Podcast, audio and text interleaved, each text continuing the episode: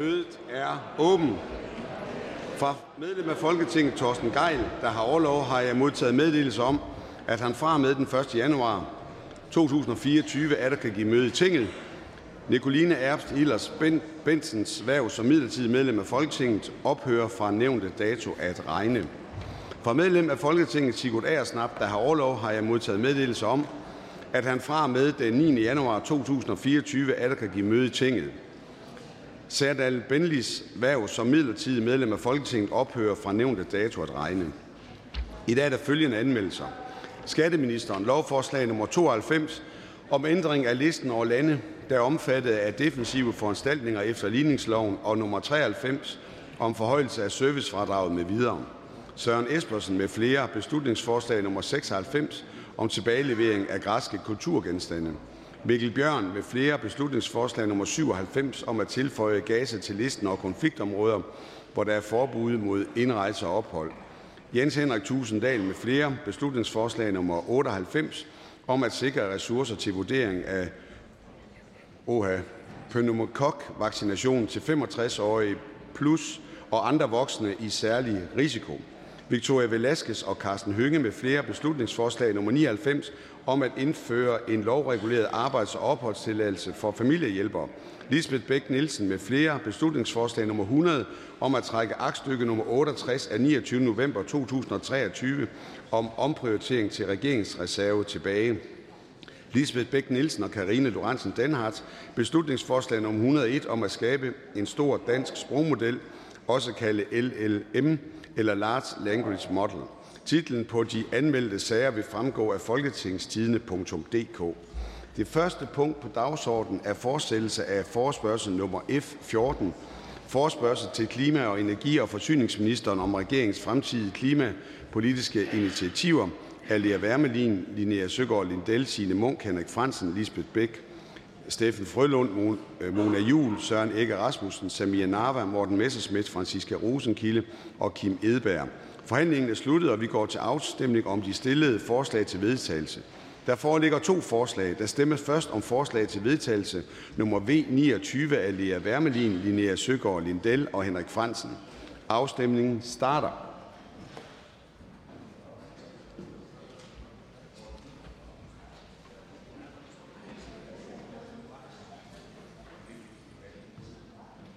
Og afstemningen slutter. For stemte 56, 51 imod, ingen verden for eller imod, vedtaget.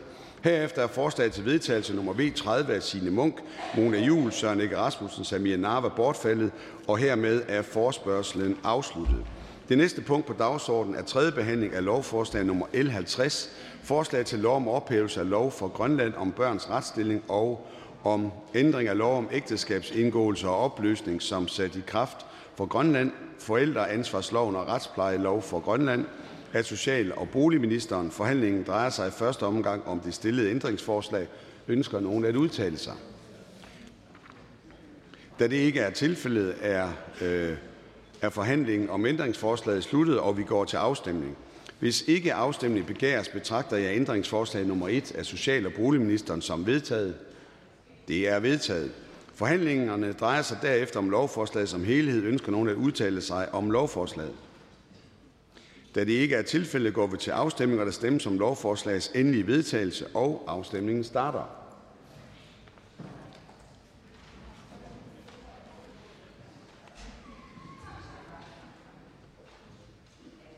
Og afstemningen slutter. For stemte 107, ingen imod, ingen hverken for eller imod.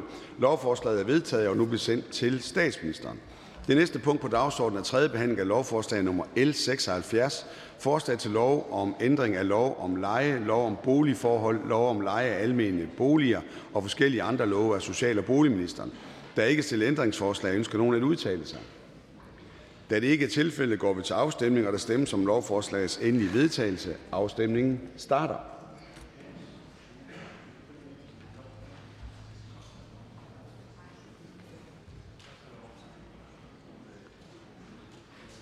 Afstemningen slutter. For stemte 109, ingen imod, ingen verden for eller imod. Lovforslaget er vedtaget og vil nu blive sendt til statsministeren. Det næste punkt på dagsordenen er tredje behandling af lovforslag nummer L 61. Forslag til lov om indfødsretsmeddelelse af udlænding og integrationsministeren. Og jeg giver nu ordet til hr. Mikkel Bjørn, Dansk Folkeparti. Og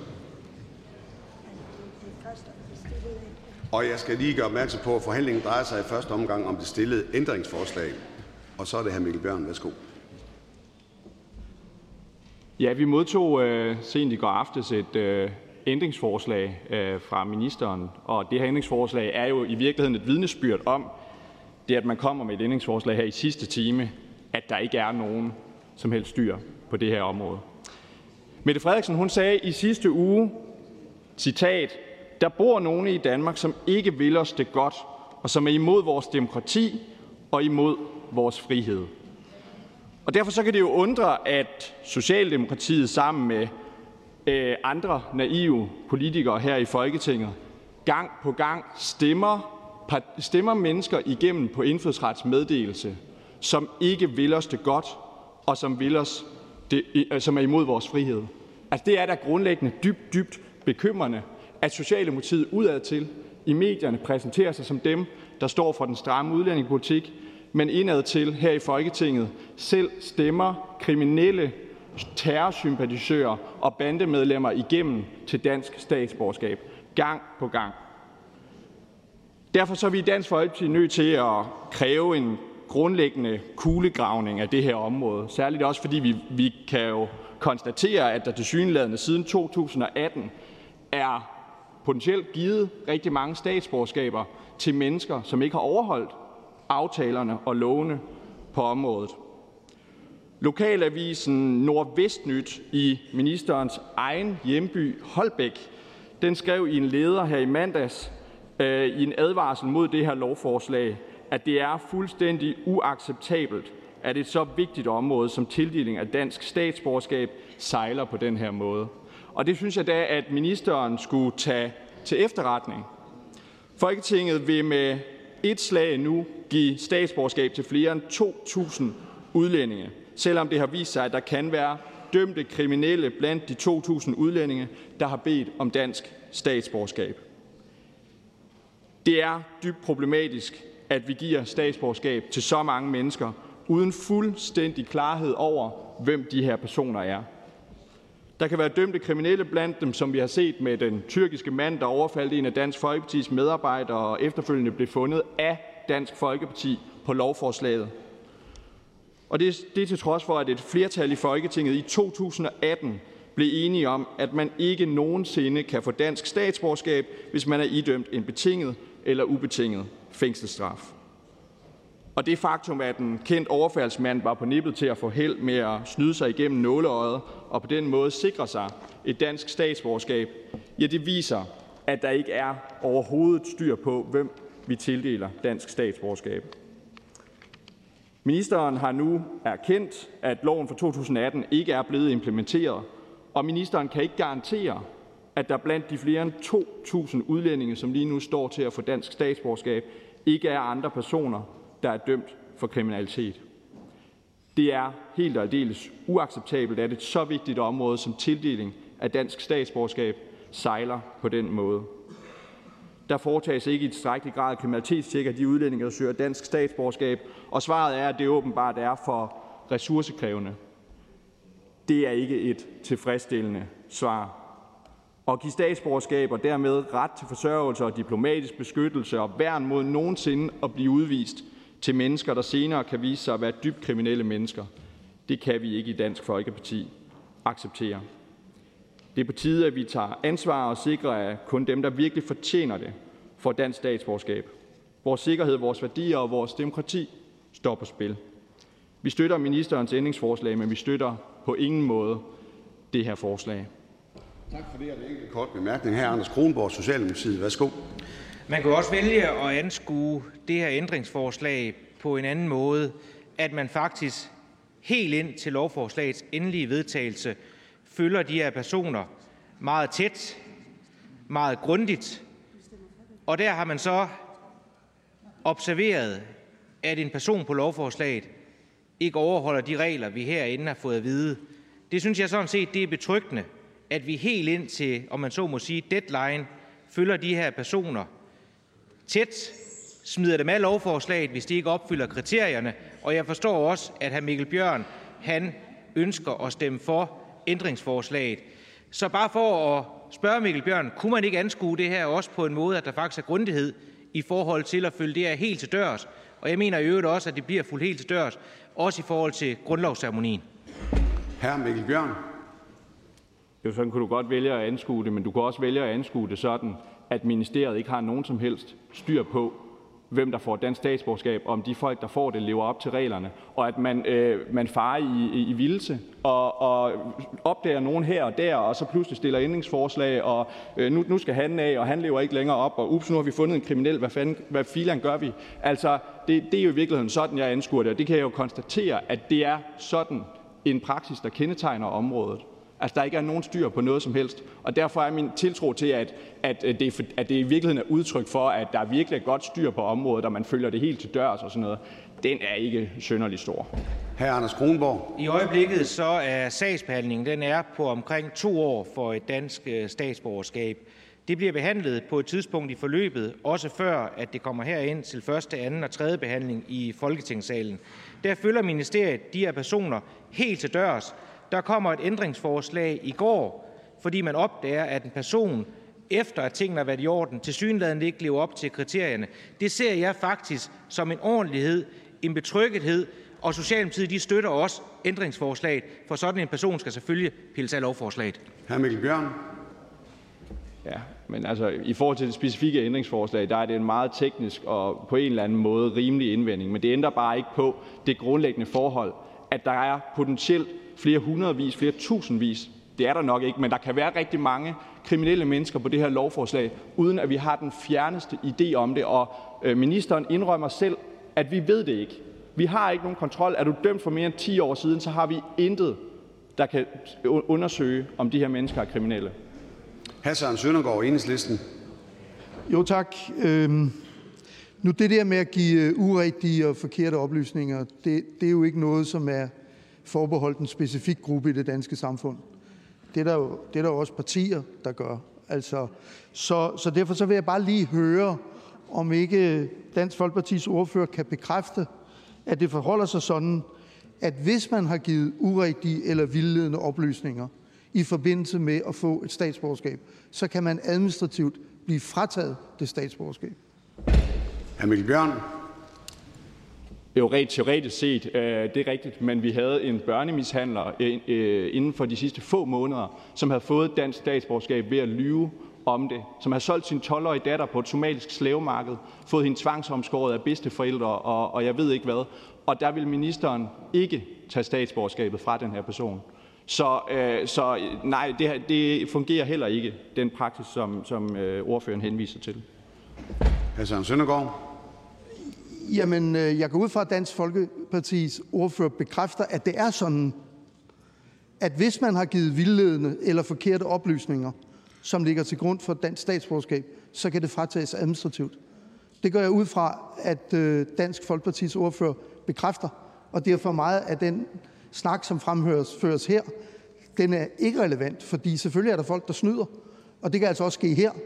Men konsekvensen, hvis det bliver opdaget, er meget klar nemlig administrativ fratagelse. Hr. Mikkel Bjørn. Nu har jeg jo lige bekendtgjort over for ordføreren, at konsekvensen ved at lyve, udfylde en falsk tro og loverklæring, øh, at den faktisk ikke nødvendigvis har de store konsekvenser. Hvis en somalisk børnemishandler, der har solgt sin 12-årige datter på, på et øh, slavemarked i udlandet og fået hende tvangsomskåret, og har udfyldt en falsk tro og loverklæring på, at han ikke er kriminel, til trods for, at han er dømt for kriminelle forhold, ikke kan få frataget sit statsborgerskab efter den, øh, de retningslinjer, som ordføreren henviser til, men så er, der jo ikke, øh, så, så er det jo ikke rigtigt, hvad ordføreren siger. Fru Mette Thiesen, Dansk Folkeparti. Værsgo. Tusind tak tænkte, at jeg lige ville rejse mig og, og tage ordet her. Altså, det er jo meget sødt, at uh, en socialdemokrati, Øh, socialdemokratisk partisoldat rejser sig op og forsøger at forsvare sin minister. Uh, det er det bestemt. Uh, det er da også meget sødt, at enhedslisten rejser sig op. Jeg ved jo godt, at enhedslisten de bare gerne vil smide om som med danske statsborgerskaber, selv hvis folk er dybt kriminelle og alt muligt andet, og er fuldstændig ligeglade med den store værdi, der ligger i det her. Men jeg kunne egentlig bare godt tænke mig at høre ordføreren om den her konkrete voldsmand, som, som ordføreren nævner, øh, fra, som overfaldt en af Dansk Folkepartis ansatte. Ville han være blevet fjernet fra det her lovforslag, hvis det ikke var for Dansk Folkeparti? Ja eller nej? Hr. Mikkel Bjørn. Det kan jeg meget entydigt sige øh, nej til. Øh, han var ikke blevet fjernet, hvis ikke det havde været for Dansk Folkeparti. Dansk Folkeparti er dem, der har hånd i hanke med, hvor mange kriminelle øh, der står på det her lovforslag, i nogen som helst udstrækning. Regeringen har det tydeligvis ikke. Og det kan undre mig voldsomt, at, nævnte jeg også under anden behandling, at enhedslisten og Alternativet synes, det er okay at give dansk statsborgerskab til en mand, der har overfaldet en af Dansk Folkepartis medarbejdere. Altså, du ved, jeg har ikke mulighed for at stille spørgsmål fra talerstolen, men det kan da undre, såre, at man synes, det er et rimeligt grundlag at få dansk statsborgerskab på, at man er dømt for at overfalde en ungdomspolitiker til et politisk debatarrangement. Altså, det synes jeg, det er fuldstændig hovedrystende, at de to partier kan stå inden for det. Men øh, det, det kan man jo spørge dem om. Fru Mette Thiesen. Og tusind tak for at besvare det. Vi ved jo godt, at enhedslisten og Alternativet er fuldstændig fløjtende ligeglade med Danmark, øh, så, så det er jo desværre nok ikke noget nyt. Jeg kunne bare godt tænke mig at høre ordføreren. Øh, vi har jo et kæmpe ansvar, os der sidder herinde i Folketinget, øh, i forhold til blandt andet det aller, aller vigtigste, man kan give nogen, det er jo dansk statsborgerskab. Det er det alt den fineste gave, man skal give. Mener ordføreren, at alle de mennesker herinde i Folketinget, som om lidt stemmer ja til det samlede lovforslag om indfødsretsmeddelelse, og derved stemmer i blinde, om de er deres ansvar bevidst, ja eller nej? Hr. Mikkel Bjørn. Nej, det synes jeg mildest talt ikke, de er. Øh, vi skal ikke give statsborgerskab til dybt kriminelle mennesker. Og der kan potentielt være bandedømte, terrordømte, voldtægtsdømte på det her lovforslag, og ministeren har ingen kontrol med det overhovedet. Det er da ikke et grundlag, vi kan tildele dansk statsborgerskab på. Hr. Frederik Vad, Socialdemokratiet. Værsgo. Ordføreren ved jo godt, at hovedparten af dem, der står på, på det her lovforslag, jo kommer fra ordføreren som min øh, bredere kulturkreds, og jo ikke tilhører mange af de miljøer, som ordføreren og jeg selv i øvrigt er meget optaget af ikke at, at kaste os om os med statsborgerskaber til. Men jeg tager sådan set ordet, fordi jeg synes, øh, for den sådan almindelige folkeoplysning, at, at ordføreren skaber meget forvirring på talerstolen. Altså, er det ikke, øh, kan ordføreren ikke bekræfte, at den person, der er blevet fjernet fra det her lovforslag, som ikke får statsborgerskab, det er ikke et dybt kriminelt menneske, men en person, der er flyttet til Italien, og som selv har ringet ind til myndighederne og sagt, at hun er flyttet til Italien. Og man kan jo ikke tage nogen af et lovforslag, øh, fordi de er flyttet til Italien, før de er flyttet til Italien. Hr. Mikkel Bjørn. Det kan jeg hverken be- eller afkræfte, fordi ministeren han insisterer på at holde ting vedrørende de love, vi vedtager her i Folketinget, hemmelige for den danske befolkning og for Folketinget som helhed. Så det kan jeg hverken kommentere eller bekræfte eller, eller noget som helst andet, fordi det må jeg ikke. Fordi ministeren ønsker at holde lovbehandlingen, vi vedtager her i Folketinget, hemmelig for den danske befolkning, og det synes jeg grundlæggende er dybt problematisk. Og så kan jeg sige til ordføreren i forhold til, til det med øh, fordelingen af, af, af ansøgere, at der er altså, hvis du kigger ned i bipersonerne, det vil sige dem, der får statsborgerskab som børn af personer, der får dansk statsborgerskab, så er det altså en noget anden fordeling, vi kigger ind i øh, i forhold til ikke-vestlige og minapt øh, indvandrere. Og der, øh, der får, det er jo altså mennesker, som får dansk statsborgerskab, fuldstændig uden at, det danske folketing ved noget om det. Altså, de, de navne står ikke på lovforslaget. Så der kan være, og der er hver gang, flere hundredvis af bipersoner, der får dansk statsborgerskab, som også kan være dømt for kriminalitet, uden at Folketinget ved noget som helst om det. Hr. Frederik Vad. Okay, men ordføreren får det til at lyde som om, at ordføreren og ordførens parti stemmer for det her ændringsforslag, fordi det menneske, der er tale om her, er et menneske, der er kriminelt. Det er det indtryk, man får, når man hører ordføreren tale. Det var sådan set bare det, jeg gerne vil have ordføreren til at bekræfte, at det kan ordføreren ikke stå på Folketingets talerstol og hævde. Hr. Mikkel Bjørn. De ændringsforslag, vi debatterede under andenbehandlingen, øh, der var det noget af det, der gør, gør sig gældende. Det er fuldstændig rigtigt i forhold til det specifikke ændringsforslag her. Der er det, der er det nogle andre ting. Øh, men ja, Altså, jeg har ikke sagt, at den person er kriminel. Jeg siger bare, at det er et vidnesbyrd om, at der ikke er styr på det her område. Altså, at, at man opdager ting om, om folk, der ikke overholder reglerne fra den ene dag til den anden, øh, fordi man, man ikke har styr på de mennesker, der får dansk statsborgerskab, rent faktisk overholder retningslinjerne. Fru Rosa Lund, Enhedslisten. Tak for det. Jeg vil bare gerne anfægte, at der ikke skulle være styr på det her område. Indfødsretsområdet er det eneste område, hvor vi sidder konkret og sagsbehandler i Folketinget. Det synes jeg personligt, og det synes Enhedslisten er en uskik. Det burde jo være noget, vi overlod til embedsmændene at gøre. Det er da ikke noget, vi skal gøre som politikere. Men at sige, at der ikke er styr på det her område, det er da nok det mest langt ude, jeg nogensinde har hørt. Hvis der ikke skulle være styr på det her område, hr. Mikkel Bjørn, så er det da fordi, at Dansk Folkeparti med flere har opsat så mange vanvittige krav som man skal overholde for at blive dansk statsborger, at, at man måske snubler lidt over dem, at det også snubler over dem i sagsbehandlingen. Men jeg synes, det er lidt mærkeligt, at hr. Mikkel Bjørn står på talerstolen og siger, at vi ikke har styr på det i indfødsretsudvalget, som hr. Mikkel Bjørn selv er formand for. Hr. Mikkel Bjørn. Nu er det ikke indfødsretsudvalget, der ikke har styr på det. Det er indfødsretskontoret øh, og ministeriet. Øh, men jeg ved godt, at enhedslisten mener, at det er nogle fuldstændig urimelige og vanvittige krav, Dansk Folkeparti har sat op ved eksempelvis at kræve, at man skal være i beskæftigelse for at få dansk statsborgerskab, eller kræve, at man ikke må have været kriminel før man kan blive dansk statsborgerskab. Det kan jeg jo godt forstå. Det vil enhedslisten gerne give statsborgerskab til kriminelle, jævnfør ændringsforslaget sidste uge, hvor man ikke tilslutter sig, at den mand, der har overfaldet en af Dansk Folkepartis medarbejdere og, og underskrevet en falsk tro og loverklæring og ikke overholder reglerne for at få dansk statsborgerskab, at det synes enhedslisten og Alternativet, han, de synes at faktisk, at han skal have dansk statsborgerskab. Altså kan jeg jo forstå, at man mener, at kriminelle de skal altså have lov til at få dansk statsborgerskab. Det er bare ikke vores holdning i Dansk Folkeparti. Og det, det, lige der, der tror jeg sådan set, at de fleste i den danske befolkning er enige med os. Fru Rosa Lund.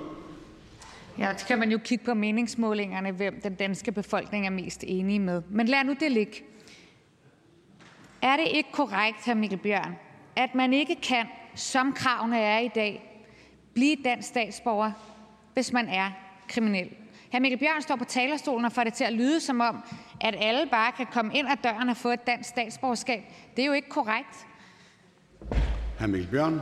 Nej, det er ikke korrekt, det ordføreren siger, at man ikke kan få dansk statsborgerskab, hvis man er kriminel inden for de nuværende retningslinjer. Både på grund af statsløsekonventionen og øh, erklæringsadgangen for nordiske statsborgere og alle mulige, alle mulige andre internationale konventioner, så kan man få dansk statsborgerskab, til trods for, at man er potentielt dybt kriminel. Man kan være voldtægtsdømt, man kan være terrordømt, man kan være bandekriminel. Du kan få dansk statsborgerskab inden for de retningslinjer, som, øh, som gælder inden for konventionerne. Tak for det. og Der er ikke flere korte bemærkninger, så vi siger tak til hr. Mikkel Bjørn. Ønsker flere at udtale sig? Da det ikke er tilfældet, er forhandlingen om ændringsforslaget sluttet, og vi går til afstemning.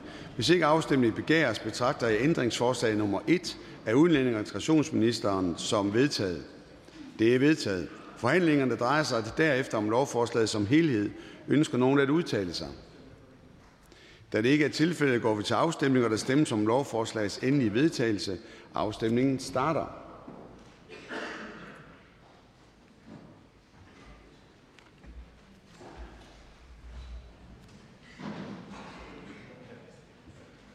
Og afstemningen slutter. For stemte 88, 6 imod, 15 hverken for eller imod. Lovforslaget er vedtaget og vil nu blive sendt til statsministeren. Det næste punkt på dagsordenen er tredje behandling af lovforslag nummer L 82, forslag til lov om ændring af lov om integrationsgrunduddannelse og lov om arbejdsgivernes uddannelsesbidrag af udlænding- og integrationsministeren. Der er ikke stillet ændringsforslag. Ønsker nogen at udtale sig? Da det ikke er tilfældet, går vi til afstemning, og der stemmes om lovforslagets endelige vedtagelse. Afstemningen starter.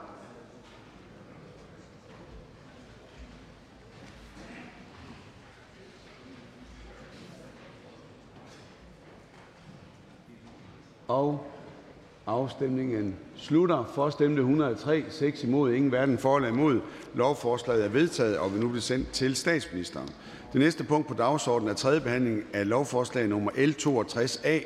Forslag til lov om ændring af lov om planlægning og forskellige andre love af ministeren for landdistrikter. Forhandlingen drejer sig i første omgang om det stillede ændringsforslag. Ønsker nogen at udtale sig? Da det ikke er tilfældet, er forhandlingen om ændringsforslaget sluttet, og vi går til afstemning. Hvis ikke afstemning begæres, betragter jeg ændringsforslag nummer 1 af ministeren for byer og landdistrikter som vedtaget.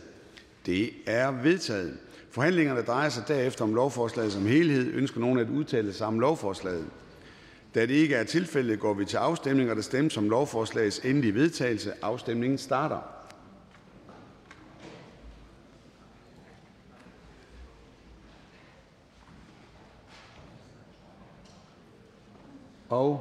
Afstemningen slutter. For stemte 90, 19 imod, ingen hverken for eller imod.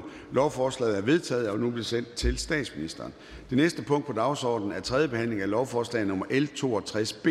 Forslag til lov om ændring af lov om boligforhold af ministeren for landdistrikter. Forhandlingerne, forhandlingen drejer sig i første omgang om de stillede ændringsforslag.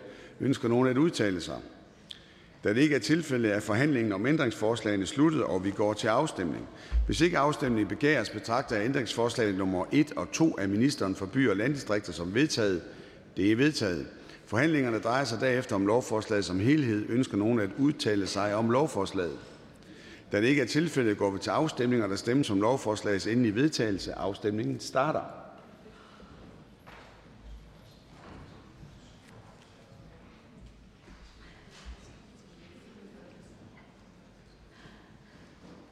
Afstemningen slutter. For stemte 107, 2 imod, ingen hverken for eller imod. Lovforslaget er vedtaget og vil nu blive sendt til statsministeren. Det næste punkt på dagsordenen er tredje behandling af lovforslag nummer L 73, forslag til lov om ændring af lov om trosamfund uden for folkekirken af kirkeministeren. Der er ikke stillet ændringsforslag. Ønsker nogen at udtale sig? Da det ikke er tilfældet, går vi til afstemning, og der stemmes om lovforslagets endelige vedtagelse, og afstemningen starter.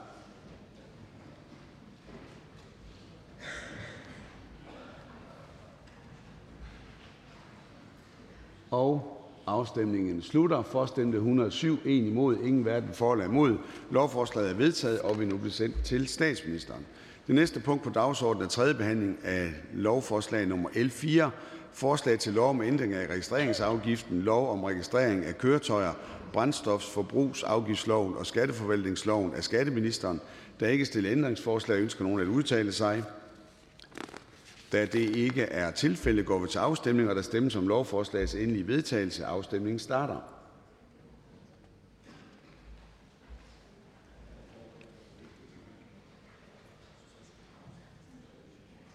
Og afstemningen slutter. For stemte 108, 1 imod, ingen, ingen, ingen hverken for eller imod. Lovforslaget er vedtaget og vil nu blive sendt til statsministeren. Det næste punkt på dagsordenen er tredje behandling af lovforslag nummer L 85, forslag til lov om ændring af lov om energiafgift af mineralolieprodukter med videre, øh, lov om afgift af naturgas og bygas med videre, lov om afgift af stenkul, brunkul og koks med videre, lov om afgift af elektricitet og forskellige andre love af skatteministeren. Der er ikke stillet ændringsforslag. Ønsker nogen at udtale sig? Da det ikke er tilfældet, går vi til afstemning, og der stemmes om lovforslagets endelige vedtagelse, og afstemningen starter.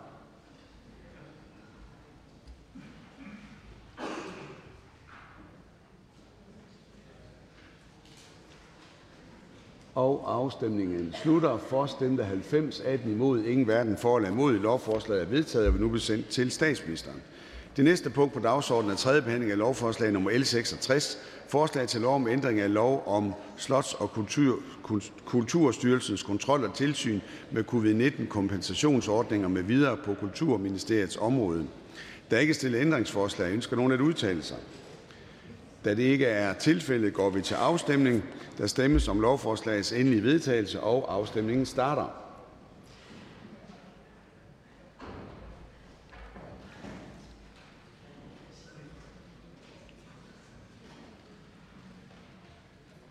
Afstemningen slutter. For stemte 109, ingen imod og ingen hverken for eller imod. Lovforslaget er vedtaget og vil nu bestemt til statsministeren. Det næste punkt på dagsordenen er tredje behandling af lovforslag nummer L 70, forslag til lov om visse medietjenesteudbyderes bidrag til fremme af dansk kultur af kulturministeren.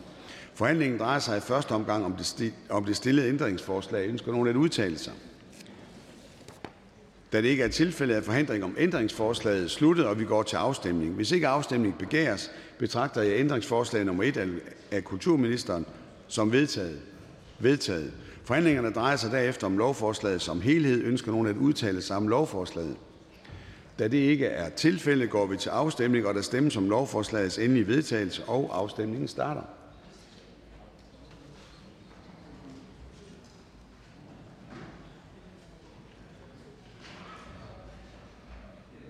Afstemningen slutter. For stemte 83, 26 imod, ingen hverken for eller imod. Lovforslaget er vedtaget og vil nu blive sendt til statsministeren. Det næste punkt på dagsordenen er tredje behandling af lovforslag nummer L 72, forslag til lov om ændring af lov om arbejdsmarkedsuddannelser med videre, lov om forberedende voksenundervisning og ordblindeundervisning for voksne og, for, og forskellige andre love af børne- og undervisningsministeren. Der er ikke stillet ændringsforslag. Ønsker nogen at udtale sig? Da det ikke er tilfældet, går vi til afstemning, og der stemmes om lovforslagets endelige vedtagelse, og afstemningen starter.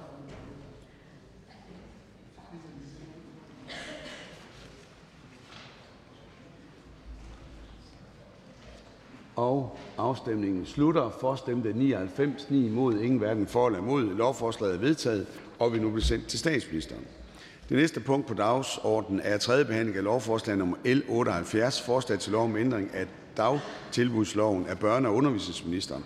Der er ikke stillet ændringsforslag. Ønsker nogen at udtale sig? Da det ikke er tilfældet, går vi til afstemning, og der stemmes om lovforslagets endelige vedtagelse. Afstemningen starter.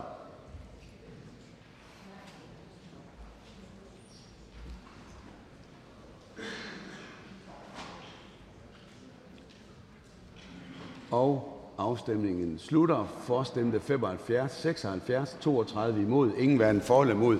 Lovforslaget er vedtaget og vil nu blive sendt til statsministeren. Det næste punkt på dagsordenen er tredje behandling af lovforslag nummer L 77, forslag til lov om ændring af lov om udgivelsen af et lovtidende af justitsministeren. Der er ikke stillet ændringsforslag. Ønsker nogen at udtale sig? Da det ikke er tilfældet, går vi til afstemning, og der stemmes om lovforslagets endelige vedtagelse. Afstemningen starter.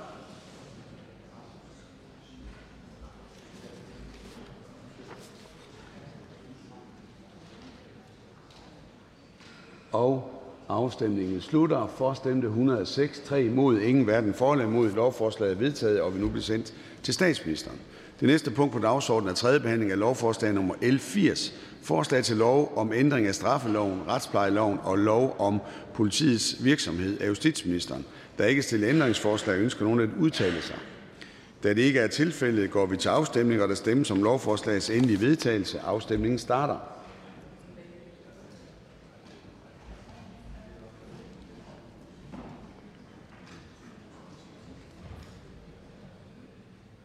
Afstemningen slutter. For stemte 78, 21 imod, 10 hverken for eller imod. Lovforslaget er vedtaget og vil nu blive sendt til statsministeren. Det næste punkt på dagsordenen er tredje behandling af lovforslag nummer L 86. Forslag til lov om ændring af universitetsloven, lov om erhvervsakademiuddannelser og professionsbacheloruddannelser, lov om videregående kunstneriske uddannelsesinstitutioner og lov om maritime uddannelser af uddannelses- og forskningsministeren. Der er ikke stillet ændringsforslag. Ønsker nogen at udtale sig? Da det ikke er tilfældet, går vi til afstemning, og der stemmes om lovforslagets endelige vedtagelse. Afstemningen starter.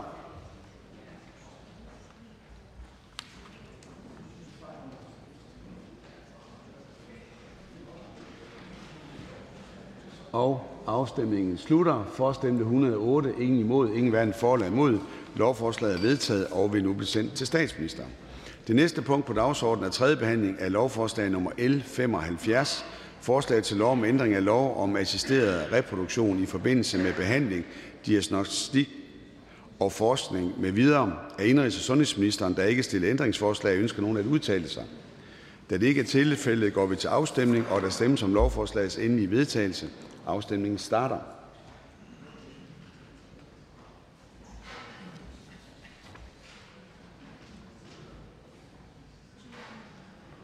Afstemningen slutter. For stemte 108, ingen imod, ingen hverken for eller imod. Lovforslaget er vedtaget og vil nu blive sendt til statsministeren. Det næste punkt på dagsordenen er tredje behandling af lovforslag nummer L 83. Forslag til lov om ændring af lov om en aktiv beskæftigelsesindsats, lov om social pension, lov om retssikkerhed og administration på det sociale område og forskellige andre love af beskæftigelsesministeren. Der er ikke stillet ændringsforslag. Ønsker nogen at udtale sig? Da det ikke er tilfældet, går vi til afstemning, og der stemmes om lovforslagets endelige vedtagelse, og afstemningen starter.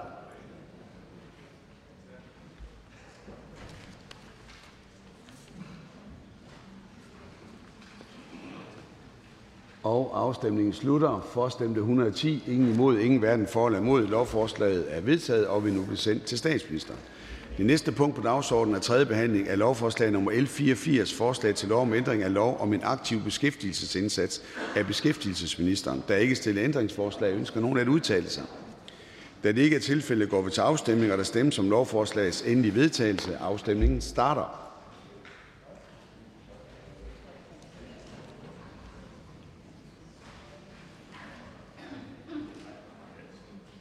Og afstemningen slutter. For stemte 97, 10 imod, 1 hverken for eller imod. Lovforslaget er vedtaget og vil nu blive sendt til statsministeren. Det næste punkt på dagsordenen er anden behandling af beslutningsforslag nummer B 14. Forslag til folketingsbeslutning om Danmarks indgåelse af overenskomst af 14. juni 2022 mellem Kongeriget, Danmarks regering sammen med Naalakkersuisut på den ene side og Kanadas regering på den anden side om maritim afgrænsning og landeafgrænsninger i området mellem Grønland og Kanada. Og jeg beklager udtalelsen. Jeg skal nok øve mig på det til næste gang. Der er ikke stillet ændringsforslag. Ønsker nogen at udtale sig? Da det ikke er tilfældet, går vi til afstemning, og der stemmes om forslagets endelige vedtagelse. Af. Ønsker hr. Søren Søndergaard? Nej. Der stemmes om forslagets endelige vedtagelse. Afstemningen starter.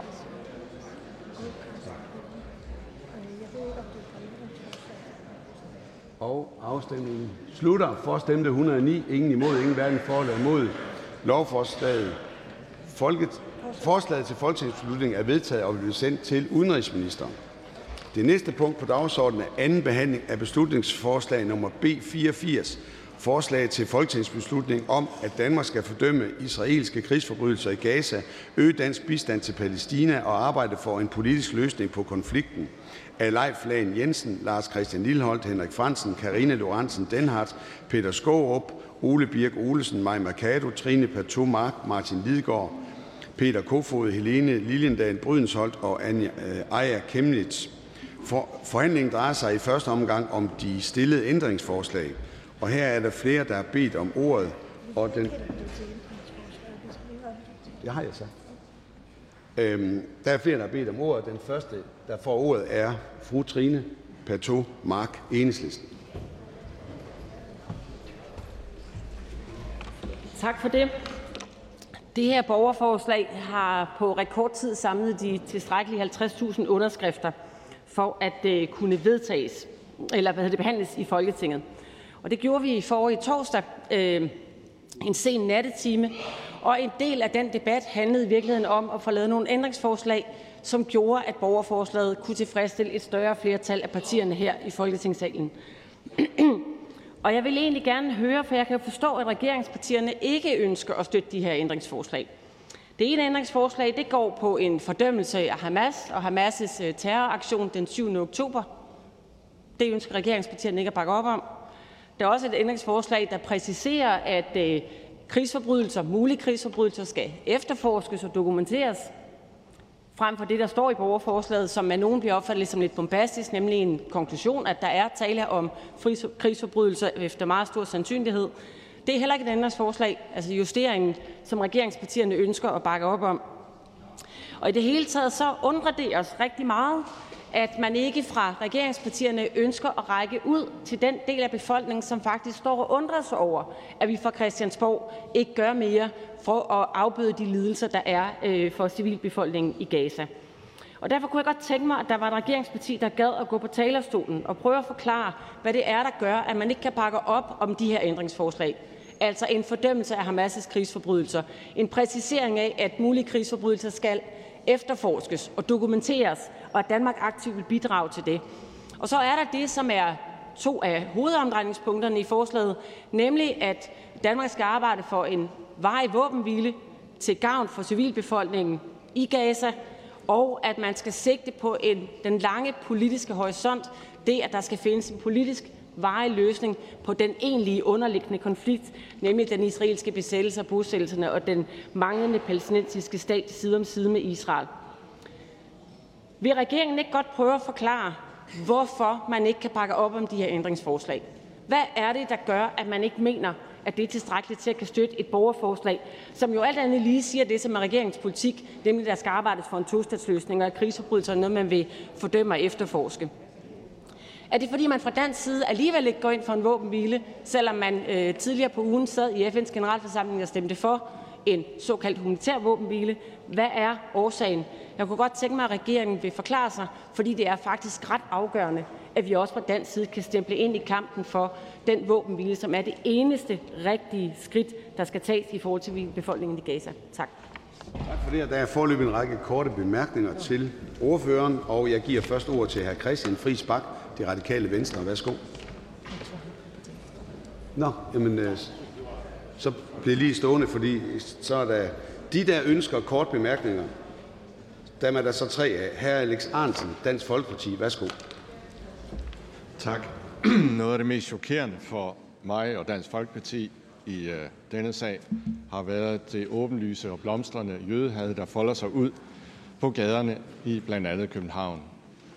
Og øh, det har været ekstra chokerende for mig at se, at dele af venstrefløjen har gået hånd i hånd med Hamas-sympatisører på gaden. Jeg ved, at ordføreren har et meget indgående kendskab til dele af venstrefløjen i Danmark. Kunne øh, fru Patu Mak forklare mig, hvorfor der er et åbenlyst jødehad i visse dele af venstrefløjen, og hvorfor det pludselig bliver så synligt igen. Det undrer mig, og det har chokeret mig, men måske kan øh, ordføreren gøre mig klogere. Fru Trine Pertou Mach. Jeg vil gerne understrege fra enhedslistens side, at vi har fra første øjeblik entydigt fordømt det terrorangreb, der blev begået mod Israel den 20. oktober, og fordømt Hamas' gerninger. Vi anser Hamas for at være en højere ekstremistisk, islamistisk terrororganisation, og vi har absolut intet idéfællesskab med den bevægelse på noget som helst sæt. At der går folk rundt i de danske gader, øh, det må folk selv kunne svare på, hvad det er, de, øh, hvad det er, de mener. Den del af venstrefløjen, jeg tilhører, er stærkt kritisk over for staten Israels fremfærd i Gaza, over for den årtier lange besættelse, over for de ulovlige bosættelser og de daglige krænkelser af menneskerettighed over for palæstinenserne. Deri ligger der intet antisemitisk, for der er ikke noget at gøre med, at det er en stat, der bygger på jødedommen. Det handler om de politiske gerninger, som den stat gennemfører og står på. Det har intet at gøre med den jødiske befolkning, som jeg på alle mulige måder mener, at vi skal gøre noget mere for også at sikre øh, tryghed, også i Danmark. Hr. Alex Ahrendtsen. nu spurgte jeg jo egentlig bare nysgerrigt til, om ordføreren kunne forklare mig, hvorfor dele af venstrefløjen øh, åbenlyst har et jødehad og bruger konflikten øh, og terroraktionen øh, mod Israel til at øh, demonstrere for det, hvor man går hånd i hånd med Hamas-sympatisører, som ikke på noget tidspunkt har taget afstand fra de der frygtelige øh, forbrydelser mod, øh, øh, mod den israelske befolkning. Jeg undrer mig bare, hvorfor dukker det op nu? Fru Trine Pertou Jamen, det er svært for mig at svare på noget på vegne af nogen, som jeg ikke har et idéfællesskab med. Den del af venstrefløjen, jeg og enhedslisten tilhører, har ikke gået hånd i hånd med Hamas-sympatisører. Vi har deltaget i en række Palæstina-demonstrationer hver især rundt omkring i landet. Lystændinger, fakkeloptog, og jeg ved ikke, hvad der har været af forskellige typer manifestationer til gavn for civilbefolkningen i Gaza. Men det har været klart fra starten, at den del af venstrefløjen, vi tilhører, helt åbenlyst tager afstand fra det terrorangreb. Hvad andre måtte gøre, det må de andre jo svare på. Så må hr. Alexandersen opsøge dem på gaderne og spørge, hvad det er, der øh, måtte være bevæggrunden. Men jeg mener faktisk, at hr. Alexandersen sammenblander kritik af staten i Israel med antisemitisme. Hr. Jesper Petersen, Socialdemokratiet. Værsgo. Ja, jeg undrer mig egentlig lidt over øh, ordførens indlæg her, fordi at der jo har været dels en lang øh, diskussion ved første behandling, og jo siden en øh, betænkningsafgivelse og drøftelse i udvalget, hvor de partier, der ikke støtter ændringsforslagene og heller ikke støtter borgerforslaget, har gjort klart, hvorfor øh, man ikke gør det. Og derfor kender ordføreren jo udmærket øh, begrundelserne. Og så når man stiller sig op og siger, at, at det, det kan man ikke forstå, så er det nok en påtaget Øh, at man ikke kan forstå det, fordi det er jo, det er jo diskuteret. Men måske et ønske om at få hele øh, debatten en gang til, og, og nogle andre, tror jeg måske mere sådan indrigspolitisk taktiske forhold, der efterhånden gør sig gældende øh, for den måde, man, øh, man agerer i sagen her. Men, men ordføreren ved jo godt, at regeringspartierne og flere andre har synes, at når man øh, på så lange stræk ændrede formuleringerne af et borgerforslag, som mange mennesker har skrevet under på i den tro, det var det forslag, vi behandlede, så synes øh, vi, at man kom for langt væk fra det essens, og derfor stemmer vi øh, ikke for de ændringsforslag, og så får vi en ren afstemning om det borgerforslag, folk rent faktisk øh, har skrevet under på. Og det ændrer jo ikke på, at man kan fortsætte debatten her i Folketinget fuldstændig, som man vil. Men, men hvorfor regeringspartierne gør, som vi gør, har jeg redegjort for nu, ligesom det er sket i udvalgsbehandlingen. Så øh, det kan ikke undre ordføreren, hvorfor det er, som det er. Fru Trine Pertou Mach. Nu har Enhedslisten ikke behov for at bruge det her til at føre indrigspolitik. Til gengæld tror jeg nok, jeg vil sige, at regeringen skylder en hel del svar til den danske befolkning om, hvorfor man agerer, eller mangler at agere, som man gør i den her sag, og ikke bakker op om en veje våbenbil til gavn for civilbefolkningen i Gaza. Øh, når jeg tager ordet, her Jesper Petersen, så skyldes det jo, at det, der foregår i udvalget, er ikke noget, som den danske befolkning kan høre med på. Det kan man her. Og jeg synes, det er virkelig underligt, virkelig underligt, at regeringen ikke kan bakke op om de her ændringsforslag, som jo faktisk imødekommer det, som var regeringspartiernes kritik af borgerforslaget, da vi havde debatten her i Folketingssalen. Og det er så det, regeringen vælger alligevel ikke at ville bakke op om. Og det synes jeg ville være fint, regeringen kunne forklare til gavn for kolleger her i, i huset, men jo også ikke mindst i forhold til den del af befolkningen, som har bakket op om det her ændringsforslag, som indtil videre nærmer sig de 80.000. Tak. Hr. Jesper Petersen. Fru Trine Pertou Mach siger nu, at en stor del af befolkningen bakker op om de ændringsforslag, øh, men det, altså, som har, også som har skrevet under på det øh, borgerforslag, men det kan man da ikke vide. Hvordan ved man det? Øhm, det er en politisk proces her, og der kan vi jo så diskutere, synes man, man kommer langt væk fra det, der er borgerforslagets essens, og dermed ikke længere stemmer om det, der rent faktisk er skrevet under på, eller synes man ikke. Og det er den beslutning, vi har her.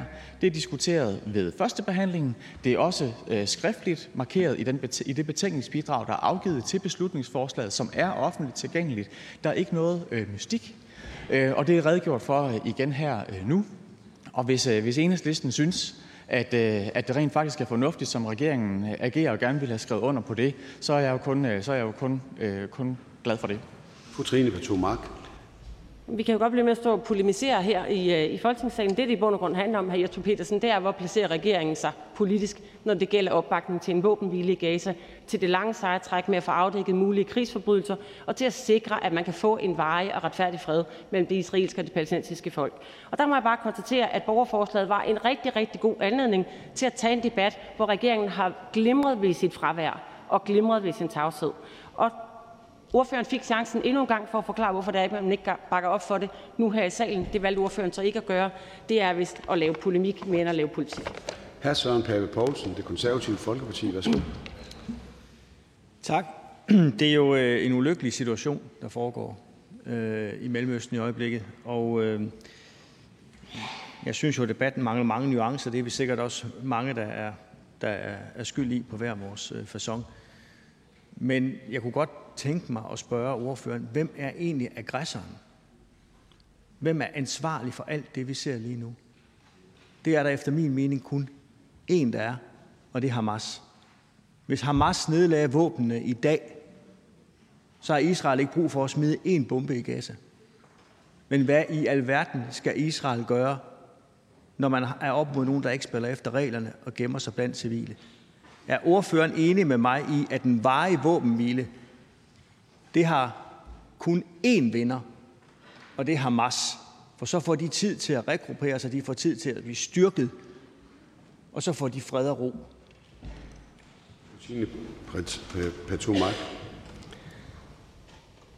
Jeg mener, der er et rigtigt svar på det, der foregår lige nu, her og nu, og det er en varig våbenhvile. Fordi, ikke fordi det er slutningen på noget som helst, men det er fordi, det er den nødvendige start på det, der skal komme, nemlig et langt, sejt politisk træk for at sikre en retfærdig fred for begge befolkninger. Og jeg medgiver fuldt ud, at det er virkelig, virkelig vanskeligt at se ikke bare vejen, men også starten på den vej. Det fratager bare ikke det internationale samfund for et ansvar for at finde det. For det her det er en internationaliseret konflikt. Og så vil jeg sige, hvem er aggressoren? Det, at der igennem flere årtier har været håndhævet en israelsk besættelse, retfærdiggør overhovedet ikke det terrorangreb, som man kun kan fordømme, der fandt sted den 7. oktober. På samme måde så kan det terrorangreb, som man kun kan fordømme, der fandt sted den 7. oktober, på ingen måde retfærdiggøre den krigsførelse, Israel lægger for dagen i Gaza nu. Og man kan godt mene begge dele, hr. Søren Pape Poulsen. Man kan godt både tage afstand fra Hamas' terrorangreb og Israels ude af proportioner militære overgreb på den civile befolkning i Gaza. Hr. Søren Pape Poulsen så vil jeg bare gerne spørge ordføreren, hvad skal Israel gøre? Altså, skal de sige, okay, vi har set det største mord på jøder siden holocaust. Det er så bare sådan, det er, fordi hvis Hamas gemmer sig blandt civilbefolkningen i Gaza, så kan vi ikke gøre noget. Hvordan kan en varig våbenhvile være andet end total fordel for Hamas? Det er ulykkeligt, ja, det er frygteligt, det der sker. Men hvad er alternativet? Der er jo ikke noget. En tostatsløsning lige nu det vil jo betyde, at vi indfører et kalifat. Fru Trine Pertou Jeg er helt enig i, at det er utrolig vanskeligt at se starten på den vej, eftersom der ikke på nogen af siderne lige nu ser ud til at være stor opbakning til en politisk proces. Ikke desto mindre, så er det det, der skal til. Og jeg vil sige til hr. Søren Pape Poulsen, at man kommer aldrig, aldrig terror og radikalisering til livs, hvis man fastholder Israels ret til at håndhæve besættelse, blokade og bosættelser. Det er en del af den dynamik, der er, hvor der ikke på nogen af de to sider, vi diskuterer lige her nu, er nogen gode. Og derfor er det vores ansvar som internationalt samfund at sørge for at få stoppet krigen lige nu og få sat det lange seje træk i spil for at få skabt en veje og retfærdig fred for begge befolkninger. Hr. Michael Aastrup Jensen, Venstre. Værsgo. Enhedslistens ordfører siger, at man er i tvivl om, hvor regeringspartierne står i den her sag. Jeg synes nu ellers, den står meget, meget klart. Altså, vi ønsker, at vi på baggrund af det forfærdelige terrorangreb den 7. oktober, hvor det højeste antal jødiske borgere blev dræbt siden holocaust, at der har Israel selvfølgelig en forpligtelse og en ret øh, til at gå efter en terrororganisation, en terrororganisation, vi også anerkender som terrororganisation, men selvfølgelig ikke, at det skal være med carte blanche til at gøre, hvad man har lyst til.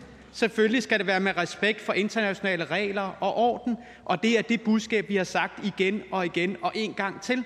Samtidig med, at vi også har appelleret til, at man får korte humanitære pauser, sådan at vi kan få nødhjælp ind, civile ud, sådan at vi også sikrer de civile mest muligt.